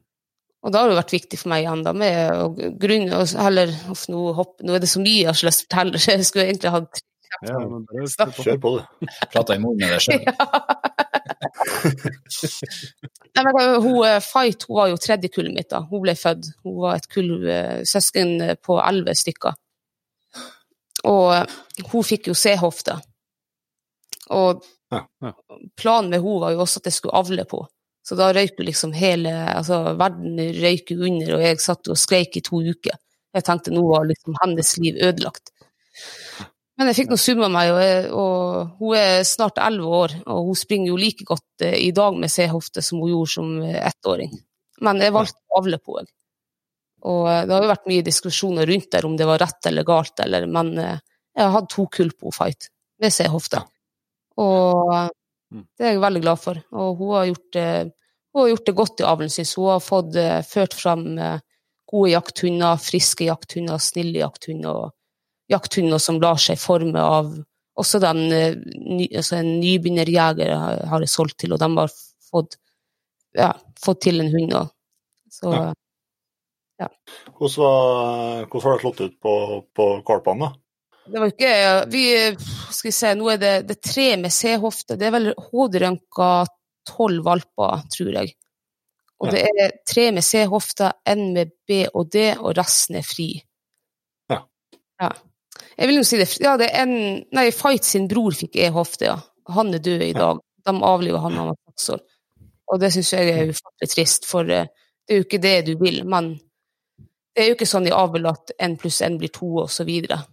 Du må jo egentlig være gammel, og jeg gamla på det her skulle jeg. Og jeg men jeg brukte også jeg brukte over et år på å undersøke linjer og sånn. For jeg ville jo ikke ha, i og med at hun fighta hadde C-hofta, så ville jeg jo ikke at det skulle liksom være Ja. Jeg ville gjøre det best mulig, da. Ja, det den første, første isskjeden min hadde jo også C-hofte. Uh, og hun jakta nå til hun var 13 år uten gjorde Nå uh, kunne, hun aldri se noe på. Uff, det er godt å høre. Mm. Ja, det, det er ikke det er mange. Mange eksempler, spesielt på det- der man Det er sånn eh, Ja, ene Bretton til Trond Håvard som var Mm. Den jo var, var liksom var, var dødsdømt nesten etter, etter Holderønke, men hun jakta, jakta, jakta, hun. Det var ikke noe Det, det er omdiskutert, det der, ja. Ja, jeg tror det er sånn, blir sånn HD-hysteri. Mm. Altså, det er heller andre ting, tenker jeg, som de kunne heller ha fokusert på. En Mm. hund med hjertefeil eller epilepsi eller andre sykdommer, det er det ikke krav om. Og, altså, det kan du avle på. Men Mm. straks du har C-hofte, så har, Per dags dato har jeg ikke hørt om noen hunder med C-hofte som er blitt, som er døde av det, liksom, som har vært et problem eller blitt plaga av det. da. Det er jo synd. At de blir liksom ja, ute av avlen. Men de andre hundene du har hatt, har det vært fra, stort sett fra eget eh, oppdrett, eller er det Har du kjøpt, kjøpt inn nye òg? Ja, jeg har vel Jeg har, hadde en uh, irsksetterhval som jeg hentet fra Sverige. Uh, Ja. Hun, ble, hun røyk etter hun var Jeg tror hun var hos meg i syv måneder. Jeg, hun hadde så dårlige nerver. Og, og jeg vil gjerne ha hunder som er litt tøffe og med god psyke, da. Ja. Og ellers har det vært støvere, og det har jeg, det har jeg ikke avla på sjøl, da. Så det har jeg vært og henta utenfra. Og ja, det er en hund da som har, som har fått bodd og, og, vokst opp hos meg og fått dø hos meg, og det var en Treen walker, det var hun Tvig. Hun var en ja. fantastisk hund. Det, den, ja.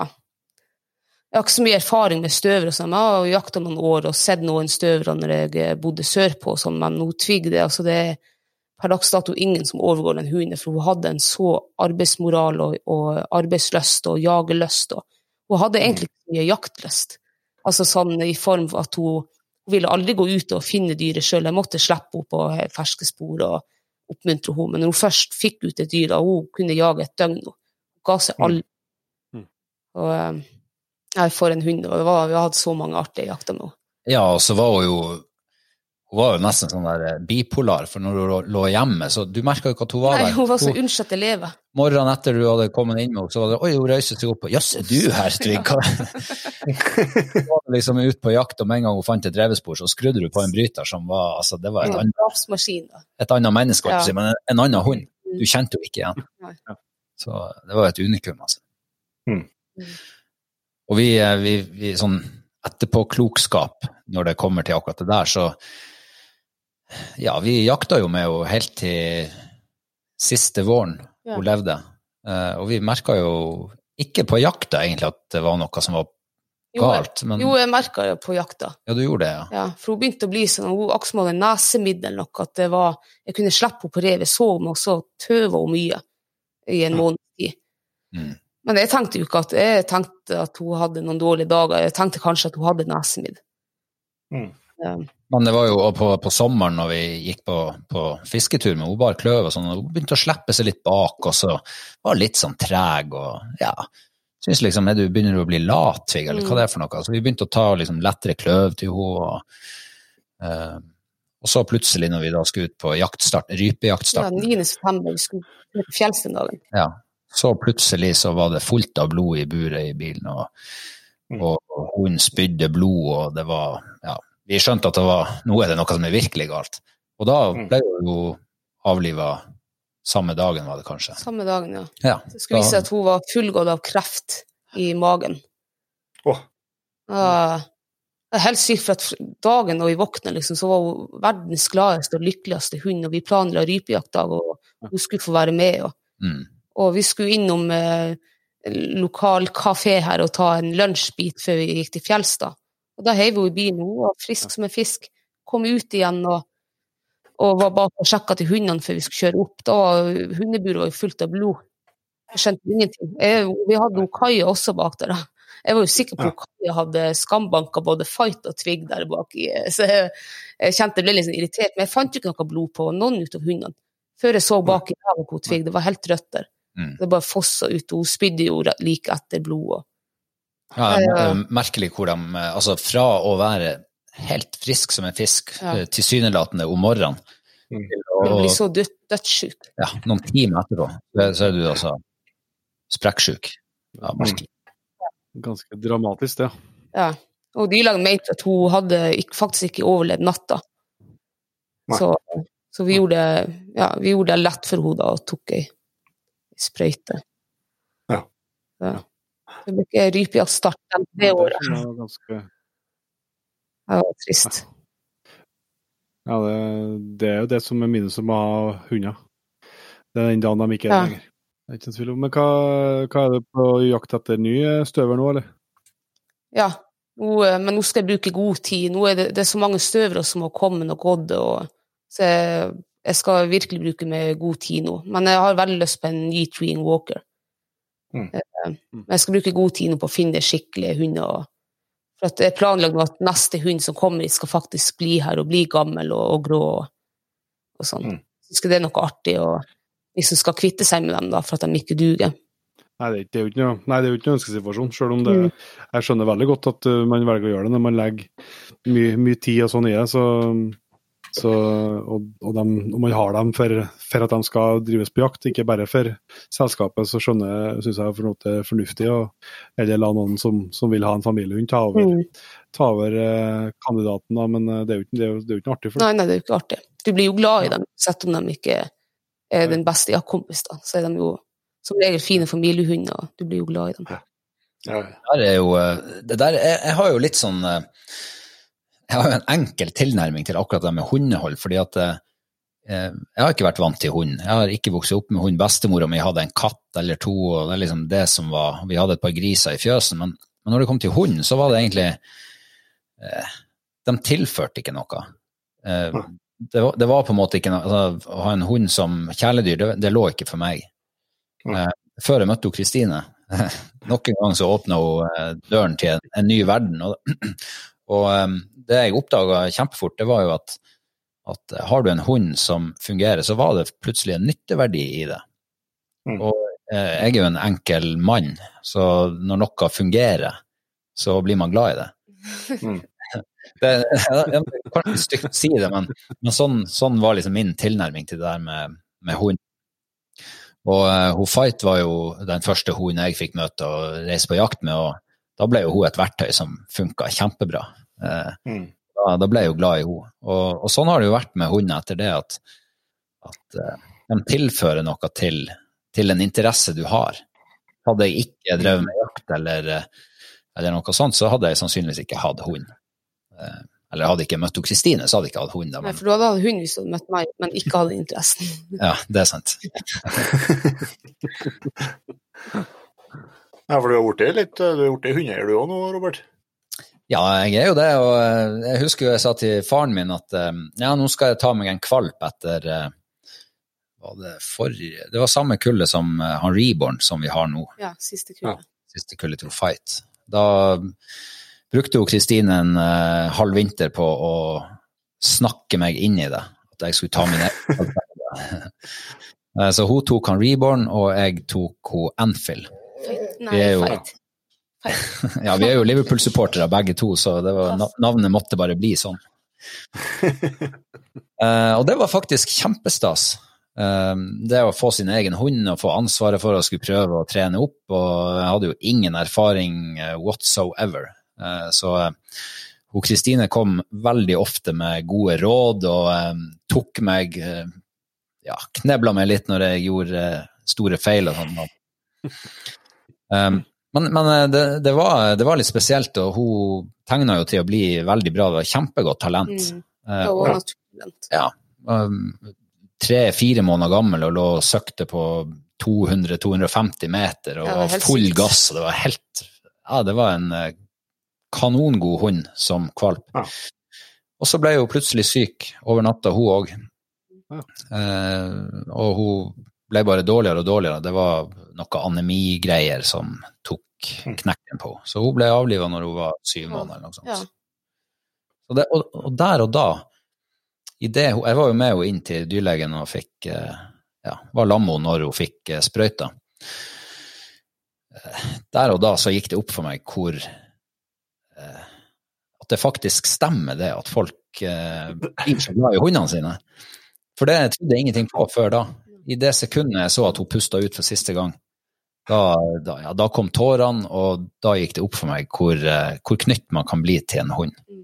Selv etter så kort tid. Det var tross alt et, eh, bare et drøyt halvår. Ja. Um, så det var en uh, kjempestor sånn aha-opplevelse for min del at jeg, machomann, Eh, som ikke har følelser, og som i hvert fall ikke knytter seg til dyr, plutselig satt der med tårene som trilla, og, eh, og, en hund som var, hadde pusta ut for siste gang. Det var, det var veldig tøft. Og samtidig, sånn i etterpåklokskapens lys, så var det også veldig godt å få oppleve det. Eh, sånn, for da, da skjønte jeg hva folk snakker om. Mm. Det er noe som du var inne på i stad, noe med å oppleve det sjøl. Ja. Som gir ting litt uh, nytt lys. Ja. Du har jo gått uh, mye prøver Kristine, med, med fuglehund. Ja. Hvordan opplever du det sånn sammenligna med jakta? Altså, hvordan er det å gå den konkurransedelen av, av å ha en fuglehund? Nei, jeg syns det, det, er godt av den konkurransedelen at jeg er blitt bitt av basillen. For uh, ja. høsten så deltar jeg ikke på jaktprøve. Som regel jeg har vært på noen få, men da er det jakt. Men vinteren, så, da legger du gjerne hagla fra deg, og du er fornøyd. Og, og da har du liksom den, den, jaktprøven du kan sysle med, da. Du må mm. holde hund i form og trene, og Så det er, en, det er en stor del av livet vårt det å, å, å trene fram mot jaktprøver og delta på jaktprøver. Jeg syns det er kjempeartig. Du møter jo likesinnede med samme lidenskapen overfor fuglehund, og du lærer masse. og ja, Det syns jeg er så artig. Ja. Så, eh, Mm. ja. Jeg har hørt noen planer om noe eh, NM-deltakelse på en podkast der òg. ja eh, mitt mål nå eh, for år 2021 det er å bli NM-vinner med O-Fight. Så Mm. det jobber vi veldig for nå. Forholdsvis hårete mål, det. ja, det er, store, det er stor mål å ha det, men eh, jeg tror det er innafor å, å liksom ha det som et mål. da. Vi har jo det på NM-lag før, og vi kom jo helt fram til finalen. Og jeg fikk Ja. både premie både kvaliken og semifinalen. og hun var jo kanongod på, på finalen også, men eh, uheldigvis så møtte vi overmann. Det var Ingvar Røsjø sin fuglehund. Faen, det var irriterende. Helvete, altså. Og det verste var, det var at etter Hannes hans hund, jeg tror det var en high truck, kunne det være han som slo oss i fuglen. Og etter eh, når hans fuglearbeid var ferdig, så slipper vi hundene på likt, og Fight fer til venstre, og hans hund fer til høyre. Og da fester hun Fight-stand 150 meter fra oss på ei åpen myr. Og det var skikkelig flatt lys den dagen. Da. Men jeg og dommeren vi gikk opp til Fight, og vi går helt fram til henne, og da ser jeg en liten reaksjon på henne, akkurat som at det går ei rype, men vi så ingenting, så jeg skjøt jo ikke eller noe. Og dommeren så heller ingen rype. Men hele partiet så rypa, og det irriterer meg. Hun, Fight hun ble, hun ble, fikk jo da en tomstand på den der. Ja. Hun ble slått av og fikk en tomstand der det egentlig var ei rype, og da ble vi slått og hevet ut av NM. Ja. Faen, det var ergerlig. Vi var så nært. Jeg eh, skjønner at du er trigga til å prøve en tur til, ja. Ja, eh, vi hadde jo, eh, vi hadde jo som mål å, å delta nå det her året som var da, men da kom jo den koronaen og alt, så, Mm. og, så jeg, jeg føler at det er siste sjansen hun sier hun eh, er på det ellevte året. Så det er Ja. siste sjansen for, for hun å hevde seg der da. Hun er nå enda ung og sprek og springer og, ja. Men må må du med deg noen kvalifisering til, til NM, eller er det bare å melde meld på? Nei, du må ha oppnådd første AK på jaktprøve, og da er det bare å, å, ja, å melde på da. Ja. Det er vel 200 hunder som er, er maks, så du må jo være, du må jo være snar da, å melde på. Tøft. Ja, Nå vet du hva du skal følge med på i vinter, da. Det blir, så blir det konkurranse mellom to, to av gjestene våre. Podkastgjestene. Ja, jeg hørte det i rør, så var det hos dere. Ja, det var ganske tidlig. ja. Det er noe helt eh, hinsides resultat han har klart å oppnå. Ja. Det er helt eh, det er vanskelig å skjønne at det går ja, det er helt sykt. Jeg vet ikke hvor mange NM-vinnere han har, men det er, han har noen pokaler, og han har fantastisk gode hunder, og og han er en fantastisk flott mann, så, så jeg unner Mm. han all suksess og det han klarer å få til. Og, ja, veldig flink. Kanskje du skulle kjøpt en engelsetter til han? Nei, det blir ikke noe. Jeg har jo, jeg har jo tulla litt med at vi skulle kjøpe, kjøpe oss en pointer fra Rune ja. Hoholm. Han er og har jo et kanonbra oppdrett. og de Hundene hans de, eh, ja, de hevder seg ofte i, på jaktprøve. Eh, Så jeg har også jeg har sagt at kanskje vi skal krysse en irsksetter og en pointer og få, få det beste fra to verdener. Han får foreslått pointer, men da er det slutt, så ja, men det er en hund jeg skulle hatt eh, foruten irsetter, altså fuglehund, så tror jeg det ville vært pointere. De er jo fantastiske hunder. og Det eneste som er veldig synd, det er at eh, de har så jævlig dårlig pels, syns jeg. At de Ja. blør jo og Blør og frys. blør, blør, ja, blør og fryser. Kanskje ikke godt egnet i Reisadalen, nei. Nei, det tror jeg ikke. Men eh, det der med jaktprøve, det eh, Jeg starta jo på jaktprøve for første gang på Senja for en eh, fire, fire år siden, kanskje. Jeg ante ikke hva jeg gikk til. Jeg fikk låne noe Fight, for han Reborn var kvalp og gikk i ungdomsklassen. Og Fight var jo i, i VK, altså vinnerklassen. Og Mm. Kristine sa ja da, det er bare å stille, og hun gjør jobben sjøl. Det var svømmeføre den dagen, og, og vi sto der, jeg som rookie, aldri vært på jaktprøve, ante ikke hva det dreide seg om, i lag med masse rutinerte mannskaper. Og dommeren. VK-partiet. Ja. Det var første prøvestarten. Dommeren sa ja, dere kan jo reglene alle sammen, eh, og jeg måtte jo bare opp med labben og Nei, jeg har aldri vært på jaktprøve før, så fint hvis du kan gjenta den en gang. Hæ, bygger du VK, sa han. Ja, så jeg har fått den opp oppgaven. Uh, men uh, vi ble jo klinka rett ut der, så vi hadde jo ikke sjans. Føreren var jo elendig, og de andre var jo gode. Eh, men det ga en sånn der Det var jo litt sånn skrekkblanda til å begynne med. Men alle de andre som var der, var veldig sånn der Ja, det er godt å gjøre sånn og sånn, og kom med masse gode råd og tips. Mm. Og det endte jo med at for ut på haug og ræv, men revansjelysten var stor. Jeg tenkte det, det må gå an å gjøre det bedre enn det her. Så det, den der, det trigger den konkurranselysta i Jeg tror det gjør det må gjøre det i alle. Alle burde stille på jaktprøve. For det, mm. det er vanvittig mye erfaring og kunnskap som er samla på én plass. Eh, så hvis man bare er litt sånn eh, mottakelig, så, så, kan man altså lære vanvittig mye av å gå på jaktprøve. Og det er jo sånn, mm går når du har eh, blitt slått av en annen hund, så går du og diskuterer slippet med den andre føreren, som selvfølgelig har en mannsalder mer erfaring enn deg. og Det, det er dritspennende, altså. Det, det er fryktelig lærerikt. Mm. Så det er enten så blir det avsmak, du kommer aldri til å stille på jaktprøve mer, eller så uh, blir det full av revansjelyst. Men der er vi ganske ulike, Robert. Ja, hvis, hvis, jeg blir slått av en annen hund, så jeg går ikke og diskuterer hvorfor man blir slått. Jeg er dritbra og jeg prater helst ikke med, med føreren og kikker helst ikke på han. ja. Du har vært i militæret heller og lært at tilbakemelding er den beste læreren? Ja, nei, jeg trenger ingen tilbakemelding. Jeg så akkurat hvordan det gikk, og jeg trenger ikke å få squeeze det inn en gang til. ja.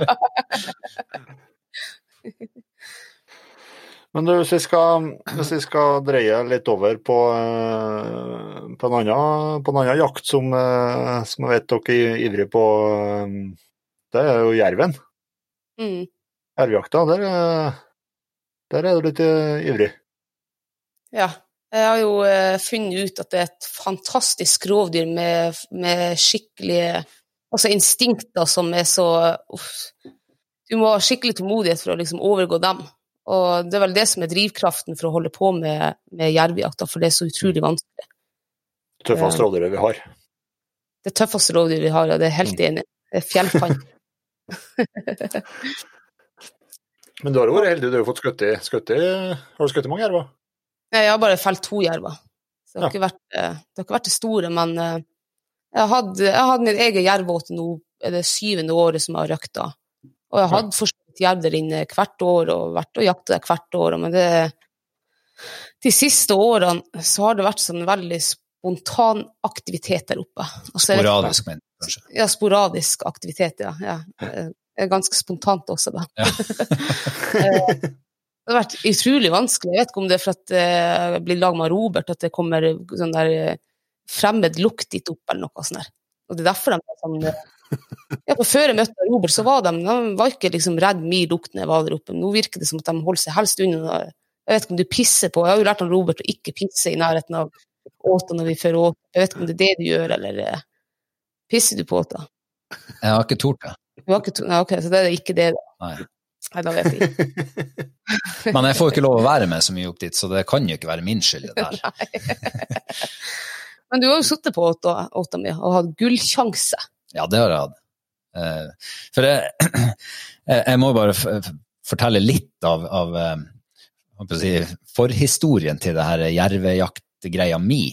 For Kristine var jo dypt inne i åta og jerv og åtebu og alt det der, fullmåne og, og jeg, jeg fatta ikke greia. Jeg skjønte ikke hva som var så spennende med å sitte og fryse ræva av seg i 25 blå oppi en fryseboks av en eh, sånn der åtebu.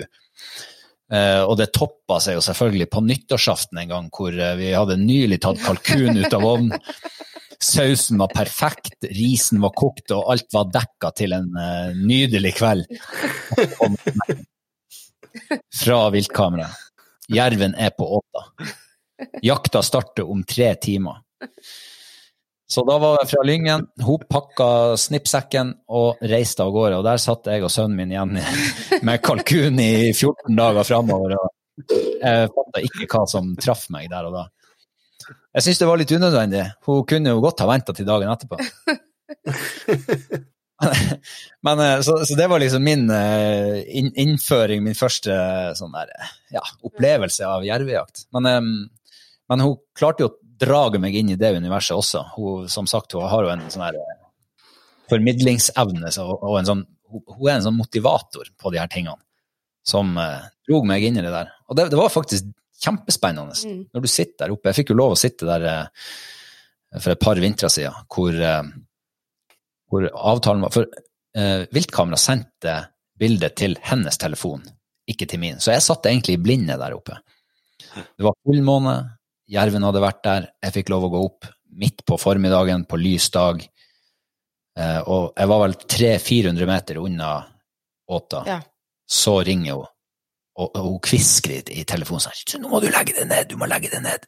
Jerven er der, jerven er der.' Vent 30 minutter. Så jeg la meg jo skinnflat ned på myra der og venta. Og så ringte hun igjen etter en 20 minutter. 'Nå kan du gå.' Så da gikk jeg opp, kom jeg installert i jervebua, og utpå natta en gang så kom jerven. Det der var, det var for kraftig kost for et, eh, et skjørt hjerte, altså. Altså, jeg hadde jerven på kornet i fem minutter, men jeg klarte ikke å ta det avtrekket. Uh, han stoppa, helt perfekt, men uh, det var en sånn liten tvil som sneik seg inn under huden min, som gjorde at det ikke trykte av. Jeg hadde trykkpunktet på avtrekkeren, så det var liksom bare siste lille. Men da for han. Så, men det var en opplevelse som jeg aldri kommer til å glemme. Det der adrenalinrushet som bare fyller kroppen din.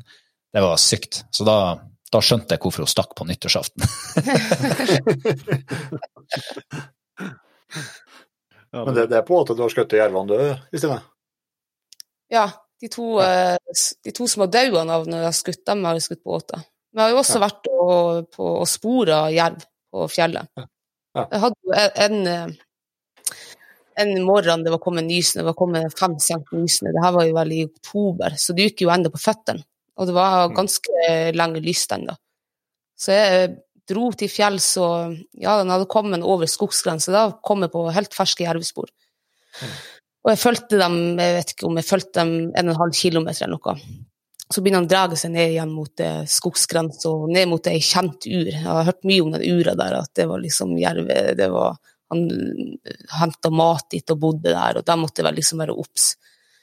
Så de, sporene gikk ned mot ura, da, og jeg fulgte etter dem litt sånn i ytterkanten og brukte kikkert. Og, og eh, så svingte liksom sporene i en sånn fiskeongel tilbake igjen. Og jeg sto nesten 15-20 meter ifra der jeg kom ned. Så tenkte jeg jøss, har jeg, jeg har jo ikke sett noe jerv her. Jeg, jeg har ikke, ikke har jeg sett spor av krysset heller, så det syntes jeg var rart. Og plutselig så hiver det seg ut en jerv bare en-to meter foran meg fra ura, og da står han oppstilt og kikker på meg. Og jeg står jo med kikkerten der, nei, med rifla der, og jeg hiver opp rifla, og jeg har jo full fetting, zooming på, på riflekikkerten, så jeg så jo ingenting. Så jeg sto fettet der og zooma ut og zooma ut, og der hoppa han bak en, en, annen stein, og jeg så øretippene på han, og jeg sikta og sikta, og jeg så hodet på han, og liksom, jeg fikk aldri kroppen hans i ro i, i kikkertsikta før han smatt av gårde. Så får jeg øye på han da på 50 meter cirka. Og da sprang han. Men da hadde kroppen hans og Jeg vet ikke hva som gikk av med da, men jeg skjøt han i flukt. Jeg. jeg vet ikke hvorfor jeg gjorde det. For vanligvis så, så, har jeg av den oppfatning at du skal ikke skyte når et, et, dyr er i sprang. Og jeg er ikke så god rifleskytter at, at jeg tør det, da, eller har Ja. Men jeg skjøt, og han jerven sprang. Og jeg gikk fram til, til der han var påskutt, og da ser jeg at det er en sånn blodstripe, en sånn rød stripe. Og det var helt forferdelig. Jeg husker jo at eh, jeg visste jo da at da måtte jeg jo ringe SNO for å fortelle om at det var påskutt en jerv. Så jeg gjorde jo det, da. Mm.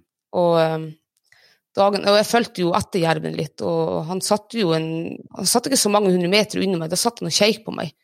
Og jeg gikk etter han, og han jumpa nå videre, og, og, borte ble han, og mørkt ble det. Og, men jeg fikk noen beskjed om å, å, å vente, da, for at en, eh, en feltarbeider fra SNO skulle være med meg opp dagen etterpå. Så vi gikk nå dit på skoleplassen. Det hadde kommet litt snø i løpet av natta, så han så ikke den blodspruten. og vi fant, liksom, vi fant ikke noe blodspor videre, og vi fulgte ganske langt etter de ja, dårlige sporene. Så vi, de ble nå friskmeldt, den jerven. Ja. Men den følelsen av en altså I utgangspunktet så, så kunne det vært en, en kjempevellykka jakt hvis jeg ikke hadde mm. skutt for jeg hadde liksom klart å spore opp en jerv og, og hele den pakka der, da, men så skjøt og det ødela liksom alt. Så jeg husker det var uff.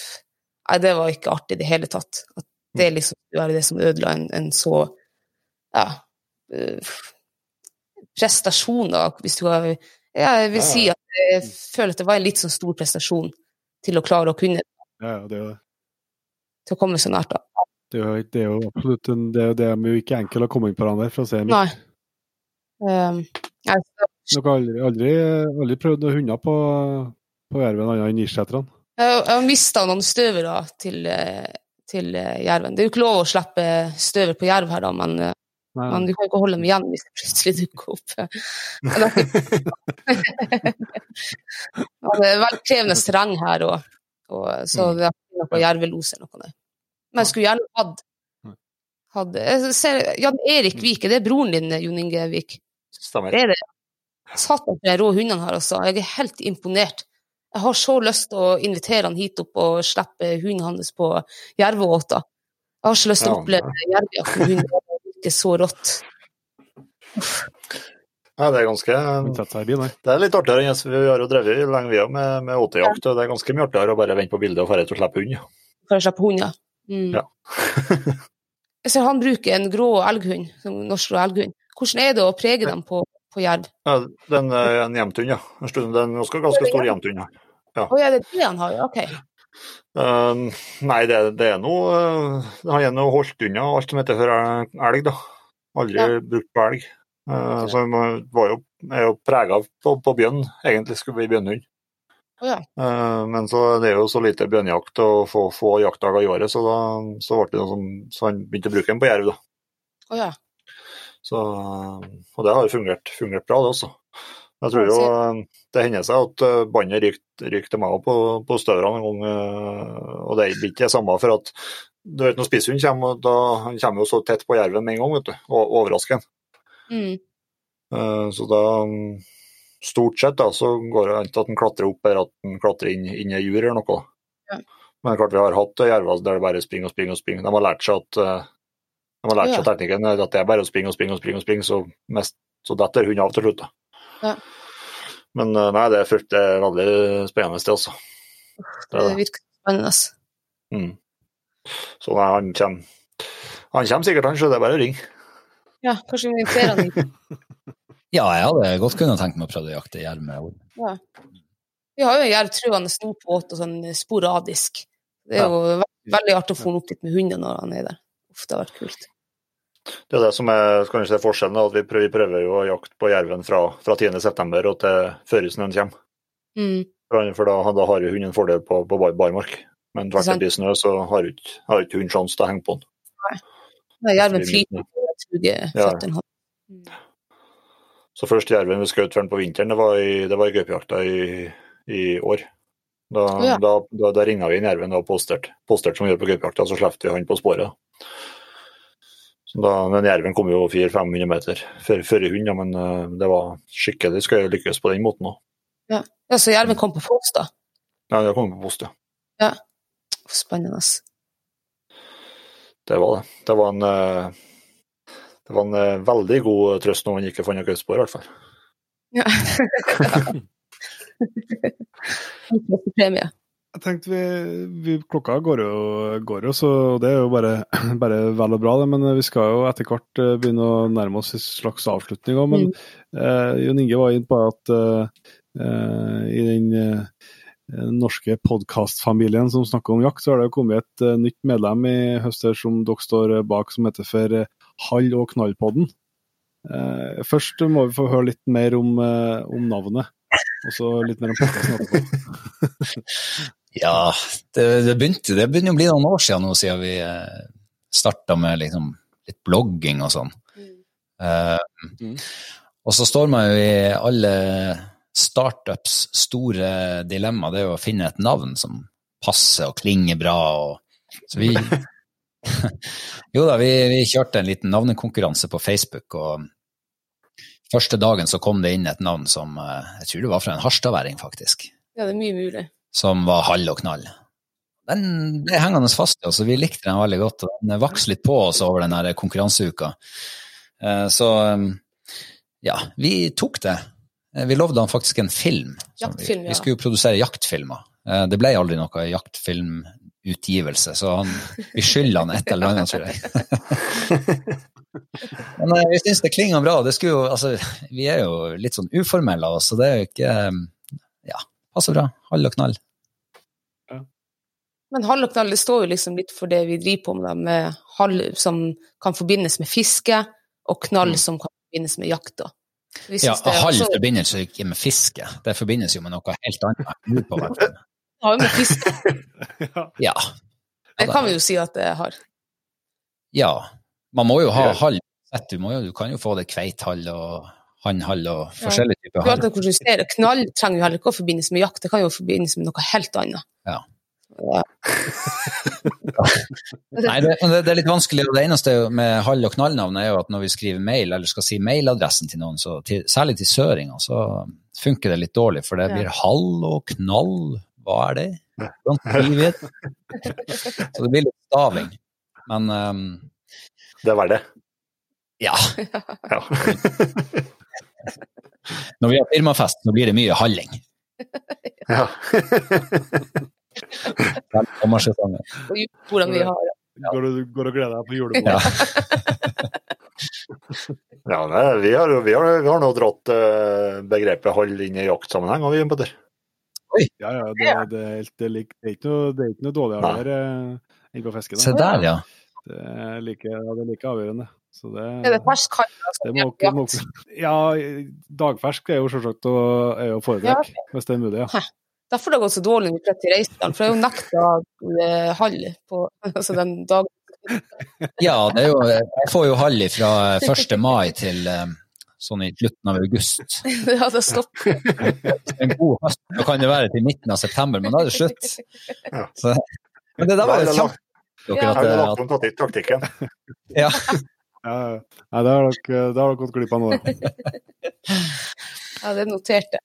Men hva, Se litt mer om eh, planene med, som dere, dere, jobber med, både med podkast og dere har jo nettside og, og YouTube-kanal og, og, forskjellig. Som, eh, er det, hva, det, er dere, eh, hva dere ønsker å formidle og, og drive med? Nei, altså det, Vi begynte jo med det her fordi at vi liker jo det vi driver med. Og hvis vi kan inspirere én eller to til å komme seg ut i, i marka, enten det skulle være bare for å fyre seg et bål eller for å fære og fiske eller fære og jakte, så har jo det vært kjempeartig.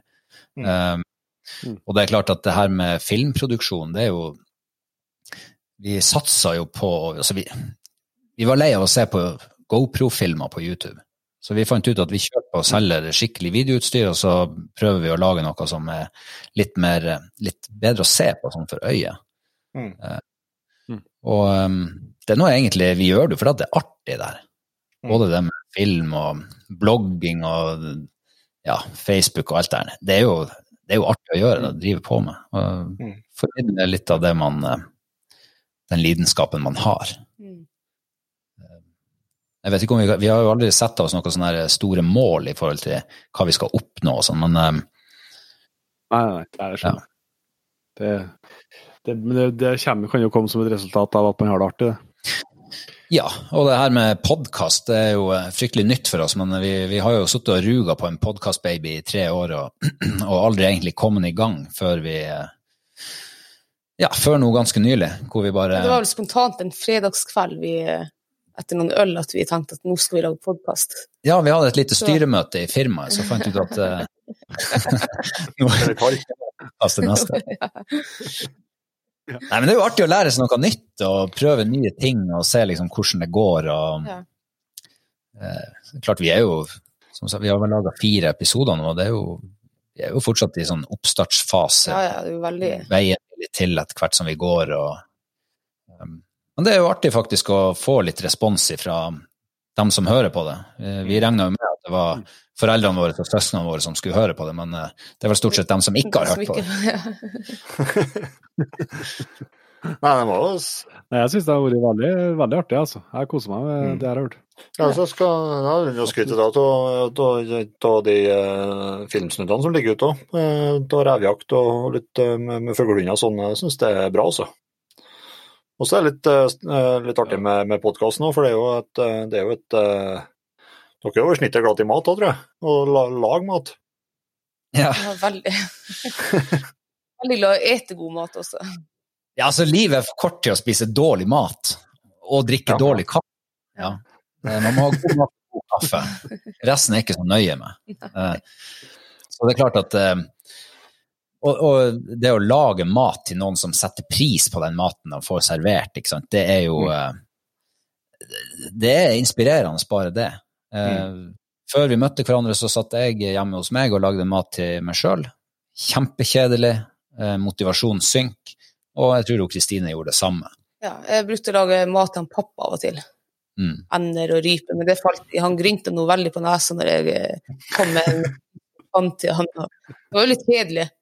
Men jeg, jeg, jeg lagde mye vilt gjorde jeg før jeg møtte han Robert òg, men det var liksom ikke det det var ikke noe sånn, Jeg satte ikke så veldig mye pris på det, tror jeg, for at du satt der gjerne alene og åt det, og det ble ikke den samme Jeg var veldig glad for når jeg møtte han Robert, at han også syntes det var trivelig å lage god mat da. Mm. Det, Mm. ja, vi ble jo flinkere der, da. Hun la jo lista veldig på eh, en av de første datene vi hadde i telt oppe i dalen her. Vi skulle på rypejakt dagen etter og innlosjerte oss oppe langs den samme grusveien som vi snakka om i sted, der bommen var nede. Da kom hun eh, dregende på hjemmelagd rypegryte. Det var, det var helt, helt magisk. Rundt furubål ute i skogen. det var høydere. Nei, det, det er fint å dele sånne lidenskaper med en. og, og Mm. som vi har snakket om i hele kveld, liksom, når, du, når du mater en lidenskap, så Ja. utvikler den seg. Mm. Du tør å, å Mm. utfordre deg sjøl og utfordre hverandre til å prøve nye ting og smake nye smaker og finne nye råvarer. og I det hele tatt, det, det blir en sånn eh, det blir en, en, en egen lidenskap, en mat. Det er mye bra mattips. Ja da. I podkasten i hvert fall. Ja, det, det, det er en inspirasjon. Og Den, den kokeboka som de fikk, eh, Kristine og Johanne fikk muligheten til å gi ut, sammen med han Erling Sundal. Eh, Ja. Han har også prøvd å få tak i hun i, eller i dem i et par år. Eh, til slutt så, Jeg vet ikke om han kom i kontakt med meg til slutt. Og Da, da begynte liksom ballen å rulle litt. Ja. Eh, han, er jo, han har jo jobba for Eivind Hellstrøm på Bagatell, så han er jo en kokk i, helt i, i verdensklasse. Og at Mm. han, et sånt menneske, kommer og ja, egentlig inviterer jentene til å, til å lage kokebok sammen med han, det er jo eh, sinnssykt artig. Og mannen der, han har altså brakt så mye god inspirasjon inn i kjøkkenet vårt eh, som vi aldri hadde kommet på før. Eh, Mm. altså uten. For det er klart, man bærer jo fast i viltsaus med fløte og rømme og Mm. sant, eh, Mm. kokte potet eller fløtegratinert. ikke. Ja.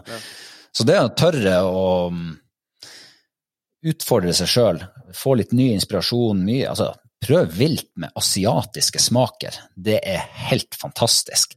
Mm. Eh, lage lette retter, salater med vilt. Hvem prøver det? til? Man, man tenker ikke tanken, for det er ikke det vilt er for de aller fleste. Eh, så Det, eh, det her er det, det er kremfløyte og se- seterommet. Ja, går ut. Ja. Nei, det, man, er, man er for tam, vet du, til å, ut- til å utfordre. Hvis vi skal begynne å, å, å komme til en slags avrunding her, eh, Robert og Kristine, så er det jo sånn at vi har eh, vi har noen faste, sp- faste liksom punkter som vi bruker å avslutte eh, med, og vi har noen faste spørsmål. Og, eh, nå er det jo sånn at eh, jeg tror vi må Dere, dere slipper ikke unna så lett at vi tar bare Dere må svare på alle tre spørsmål begge to. Eh, så hvis du, eh, Kristine, starter, hvordan eh, er det noe jaktdrøm som du ikke har fått eh, prøvd ut, som du går og ber på, eller? Uff, den var vanskelig. Hvis du hadde spurt meg for eh, fem år siden, så hadde jeg hatt svaret klart, altså. Da jeg hadde, min store drøm da jeg var lita, det var å dra til Canada og jakte bjørn. Det virka så spennende, så det, og det har liksom vært min store drøm. Men eh, jeg har kjent liksom de siste årene, så jeg, jeg har mista litt, litt den drømmen. Det er liksom ikke Ja, det er kanskje ikke like viktig for meg nå å reise til Canada da, og skyte en bjørn og jakte bjørn. Så jeg vet ikke, jeg vet ikke om jeg har noen store jaktdrømmer. Eh, Det må kanskje i så fall ha vært å få jakta skikkelig gaupejakt i Reisedalen en gang i tida. Nå har jo gaupejakt vært stengt de siste årene. Og jeg har ikke jakta, jeg har egentlig ikke jakta med, med gaupe med hund, jeg har kun vært og trent. Så det, kanskje det må være min store jaktdrøm, da. Skikkelig ordentlig gaupejakt i Reisedalen. Mm. En god hund. Ja. Kult. Enn du, Robert? Er det noen jaktdrøm der? Nei, du vet eh, Jeg har jo vokst opp med fiske som Det er liksom det som har vært med, vært med meg når, eh, når Robert Bjørklund har blitt forma opp gjennom årene. Så, så mine drømmer har egentlig vært eh, fiske på Cola og fiske på New Zealand og Island og Montana og Argentina og sånne ting. da. Mm. Så, så jeg, jeg kan ikke si at jeg har sånne store jaktdrømmer, men Nei. Jeg, jeg, fryktelig vanskelig for, for en fluefisker å svare på. Ja, men, ja, men det, det, må være lov, det må være lov til å komme ett unntak her og få delt fisken. Det, må, det er lov. Et godt, et, et godt fugleår i Reisadalen har sikkert ikke vært det dummeste. Det hadde vært veldig bra. Veldig bra. Det var. På utstyrssida er vi alltid på jakt etter spennende tips. Eh, hvis du, Robert, tar den først, da. Jaktutstyret du har med deg, eller fått tak i senere tid, er noe du er avhengig eller veldig glad, glad i, som du kan, kan tipse videre om? Uh, ja, det er det for så vidt. Nå, nå, um, nå, kommer jeg dessverre ikke til å komme med noe sånn våpentips eller noe sånt, men Nei, men det her handler litt om um, komfort når du er på fjellet. Uh, enten på jakt eller fiske eller hva det måtte være. Um, det er altså soveposen din. For meg så, det, så har du en elendig sovepose, så får du A ikke hvilt, og B du ligger og fryser hele natta. Eh, så, så, det å ha en god sovepose som er tilpassa den, eh, den årstida du, du, opererer i, det er fryktelig viktig. Um, så vi har vært heldige å finne tak i en polsk nettbutikk faktisk som, som lager lettvekts høykvalitets soveposer som er helt fantastisk. Um, ja, så, så der eh, Tøft. Det er det ultimate for min del akkurat nå. Jeg kjøpte, vi kjøpte faktisk nye nå i høst ja, til, til, høstjakta. Nei, det er et det, det, er for at noe så fælt som å ligge i sovepose og fryse om natta. Det, da kjenner du at du ikke, ikke trives på tur, ja, for å si det mildt. Mm. Mm. Kristine, da? Kristine, har du noe godt utstyrstips? Herregud. Um, du er jo utstyrsfrik, så det her må du jo klare å grave opp noe.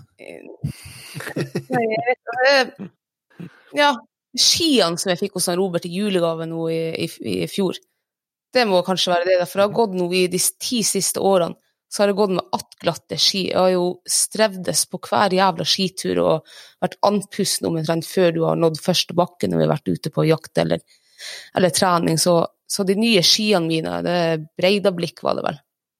Ja, fantastiske jaktski. Jeg har fått eh, altså, bare positive jakt- og, og, turopplevelser ute på tur nå, da, etter de skiene der. Så det må kanskje være ja. Bruker du feller på den? eller? Ja, jeg bruker feller på den. Det, det er også en ny opplevelse, for jeg har aldri brukt feller før. Det er derfor det har vært attglatt og jævlig godt. Andpusten har du vært fordi du røkte? Ja, det kan jeg. Ja. det var, ja, begge deler da spiller en, en rolle. Så det, ja. ja, men da må det i hvert fall være bra når du har både kutta røyken og fått fella. Ikke sant? Ja. Så det føles ut som den eh, sporty Jeg føler meg som Marit Bjørgen når jeg går på ski. Det, ja. hvis, dere skal, hvis dere skal dele deres beste jakttips, da Så begynner vi med Kristine. Kom deg ut på jakt. Ja. ja. Kom deg ut på jakt. Ikke sitt og ønsk deg og prøv, og bare gjør det.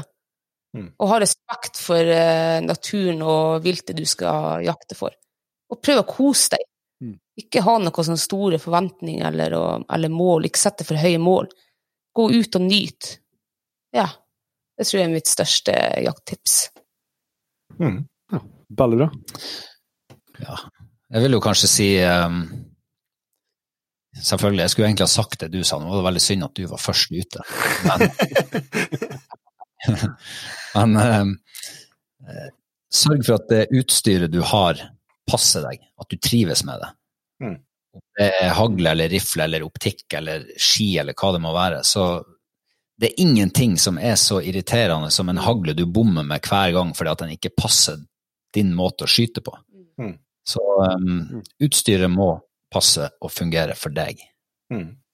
Da er det bare siste post på programmet som gjenstår, egentlig, før vi, før vi skal slippe dere. Og det er jo at vi ønsker oss veldig gjerne ei jakthistorie. Det har jo kommet noen gode historier allerede, men eh, det kan jo være at det, det finnes noen, eh, noen flere. Vet ikke, noen som eh, føler seg kallet til å, til å komme med historie? Jeg har, en, jeg har en historie. Det er ikke så veldig mange år siden, faktisk. Det var faktisk mens Kristin spilte inn sesong to av Jegertvillingene, med han ja. Otto Robsam, Sinnasnekkeren. Da lå de på ene sida av dalen og jakta, og jeg og han eh, Daniel, kompisen min, vi jakta på andre sida av dalen. Uh, og da kom vi inn i et terreng som det spruta fugl. Uh, og den hunden Det var varmt den dagen, og det var 20 grader i midten av september. Hunden hadde fryktelig vanskelige forhold, og det poppa opp fugl overalt. Da gikk det en kule varmt for herr Bjørklund. Da var det Horn var glemt, og rypen tok helt overhånd. Det kokte i topplokket. Så da skjøt jeg og ladda og skjøt og ladda, og til slutt hadde jeg nesten ikke tid å ladde. Jeg Bare skjøt og skjøt og skjøt og skjøt. Så eh, til slutt var det opptelling og prøve å finne de fuglene vi hadde, eller jeg hadde skutt på. Nei, det var eh, det var òg en litt sånn her eh, ambivalent følelse, egentlig. Når kruttøyken la seg og, og hunden for og kom bærende med fugl til oss, da var det ja, fikk litt sånn der eh, dårlig magefølelse. Var det sånn denne dagen skulle ende? Så, selv for en eh, mann på da ca. 35 år, så går det an at det, det koker over. Der har du heldigvis skjerpa deg. Jeg har gått og printa til Robert alle de her årene at tenk hund først, tenk sikkerhet. Du skyter alle når, hvis du ikke ser hund, og, og, så nå skyter du omtrent ikke. ja, men klart vi hadde gått hele dagen, ja, og, og vi hadde ikke sett en eneste fugl. Og, og, når det da begynner å sprette opp fugl eh, annethvert sekund i, i, fem minutter, så ja. ja. Det var ikke mer som skulle til for å få det til å bruse over her. Så han, eh, Daniel han tok faktisk inn hunden, for han så jo at det her funker ikke. Så da... ja, det er bra. Hvordan, eh, du Kristine, har du en historie på, på lagerslutter? Uh, ja, hva det måtte være, da. Uh, herregud. Uh, du var på Svalbard og jakta?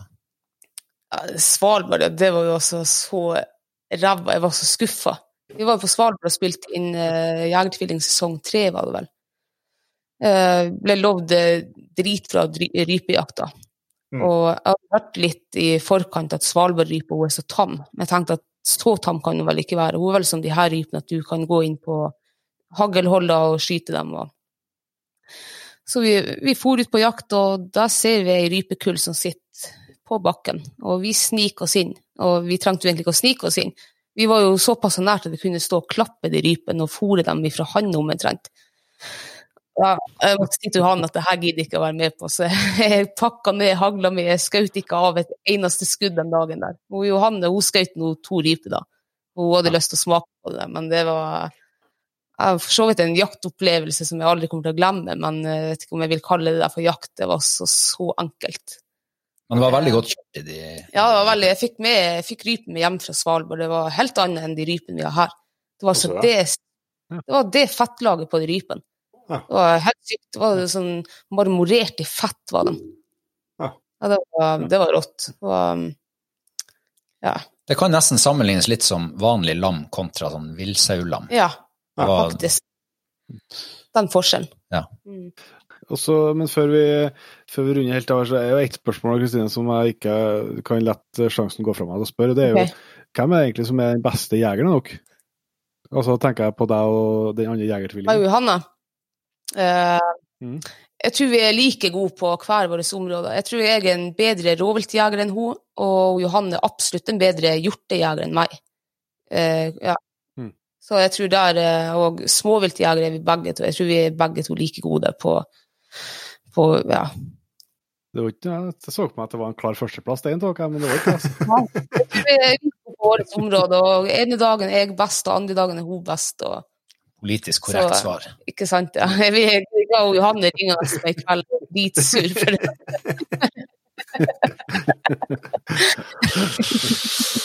Veldig bra. Nei, men du, Robert og Kristina, skal vi si tusen takk for at uh, dere setter av tid til å ta en prat med oss. Det setter vi veldig stor pris på. Jeg er ganske sikker på at dem som har hørt denne episoden her og uh, er, så da skal dere få ta kveld, og så håper jeg vi, vi høres igjen. Ja. Ja. Takk for at vi fikk lov være. Kjempehyggelig. Tusen takk. Det var altså Kristine og Robert uh, i, eh, i, et mangfold av tema, vil jeg si. og Utrolig artig å få tatt en uh, prat med dem. At, uh, at det sitter to lidenskapelige jegere og friluftsmennesker i, i andre enden der, det, det, er ganske lett å tro på. Ja, det har vært en kjempebra prat. Jeg nevnte jo podkasten, og har jo lenge, lenge hatt planer om å ha med ha med Kristine og eventuelt tvillingene og greier, men uh, du har rett og slett vært nervøs for å delta, tror jeg. Ja, det... Fikk et inntrykk av det. Ja, det gikk. Det var ikke noen grunn til. Nei, det kan jeg absolutt ikke, absolutt ikke si. Så det var kjempeartig.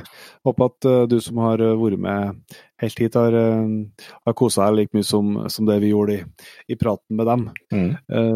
før vi går helt inn for landing her, så skal vi jo igjen få gleden av å takke et knippe nye patrients som har kobla seg på jaktlaget. og Det blir vi jo aldri le av. så Vi sier tusen hjertelig takk til en Dagfinn Tangar. Ørjan Husdal. Mona Strømme. Sigbjørn Gjertsås. Bård Atle Haugen. Jannike Modell Rømmen.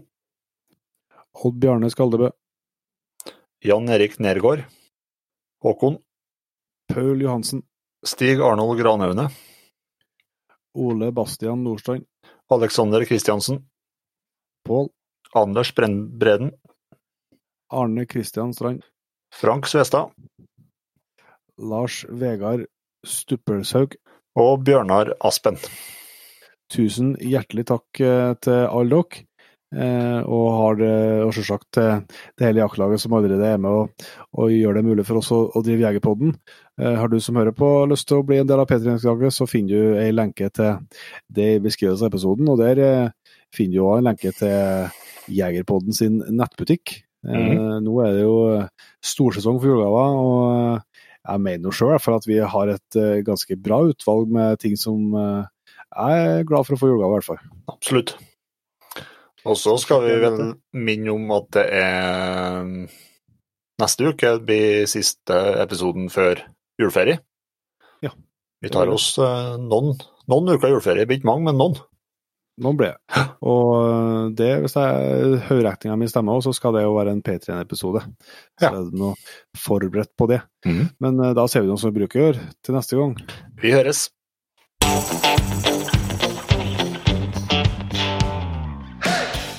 Tusen hjertelig takk for at du valgte å bruke litt av tida di på Jegerpodden. Sjekk ut jegerpodden.no eller eh, din favoritt-podkastspiller for enda mer innhold og flere episoder. Følg også Jegerpodden på Facebook og Instagram, og ikke minst, husk å fortelle alle gode venner, familie og tilfeldige forbipasserende om Jegerpodden, sånn at vi får spredd det glade budskap videre. Vi høres. Hjertelig velkommen til Nei, forbanna, altså. Det skal være så Ja, men det er vanskelig å kunne starte en podkast. Hver gang er det noe. Snyting eller nysing eller øldrikking eller raping.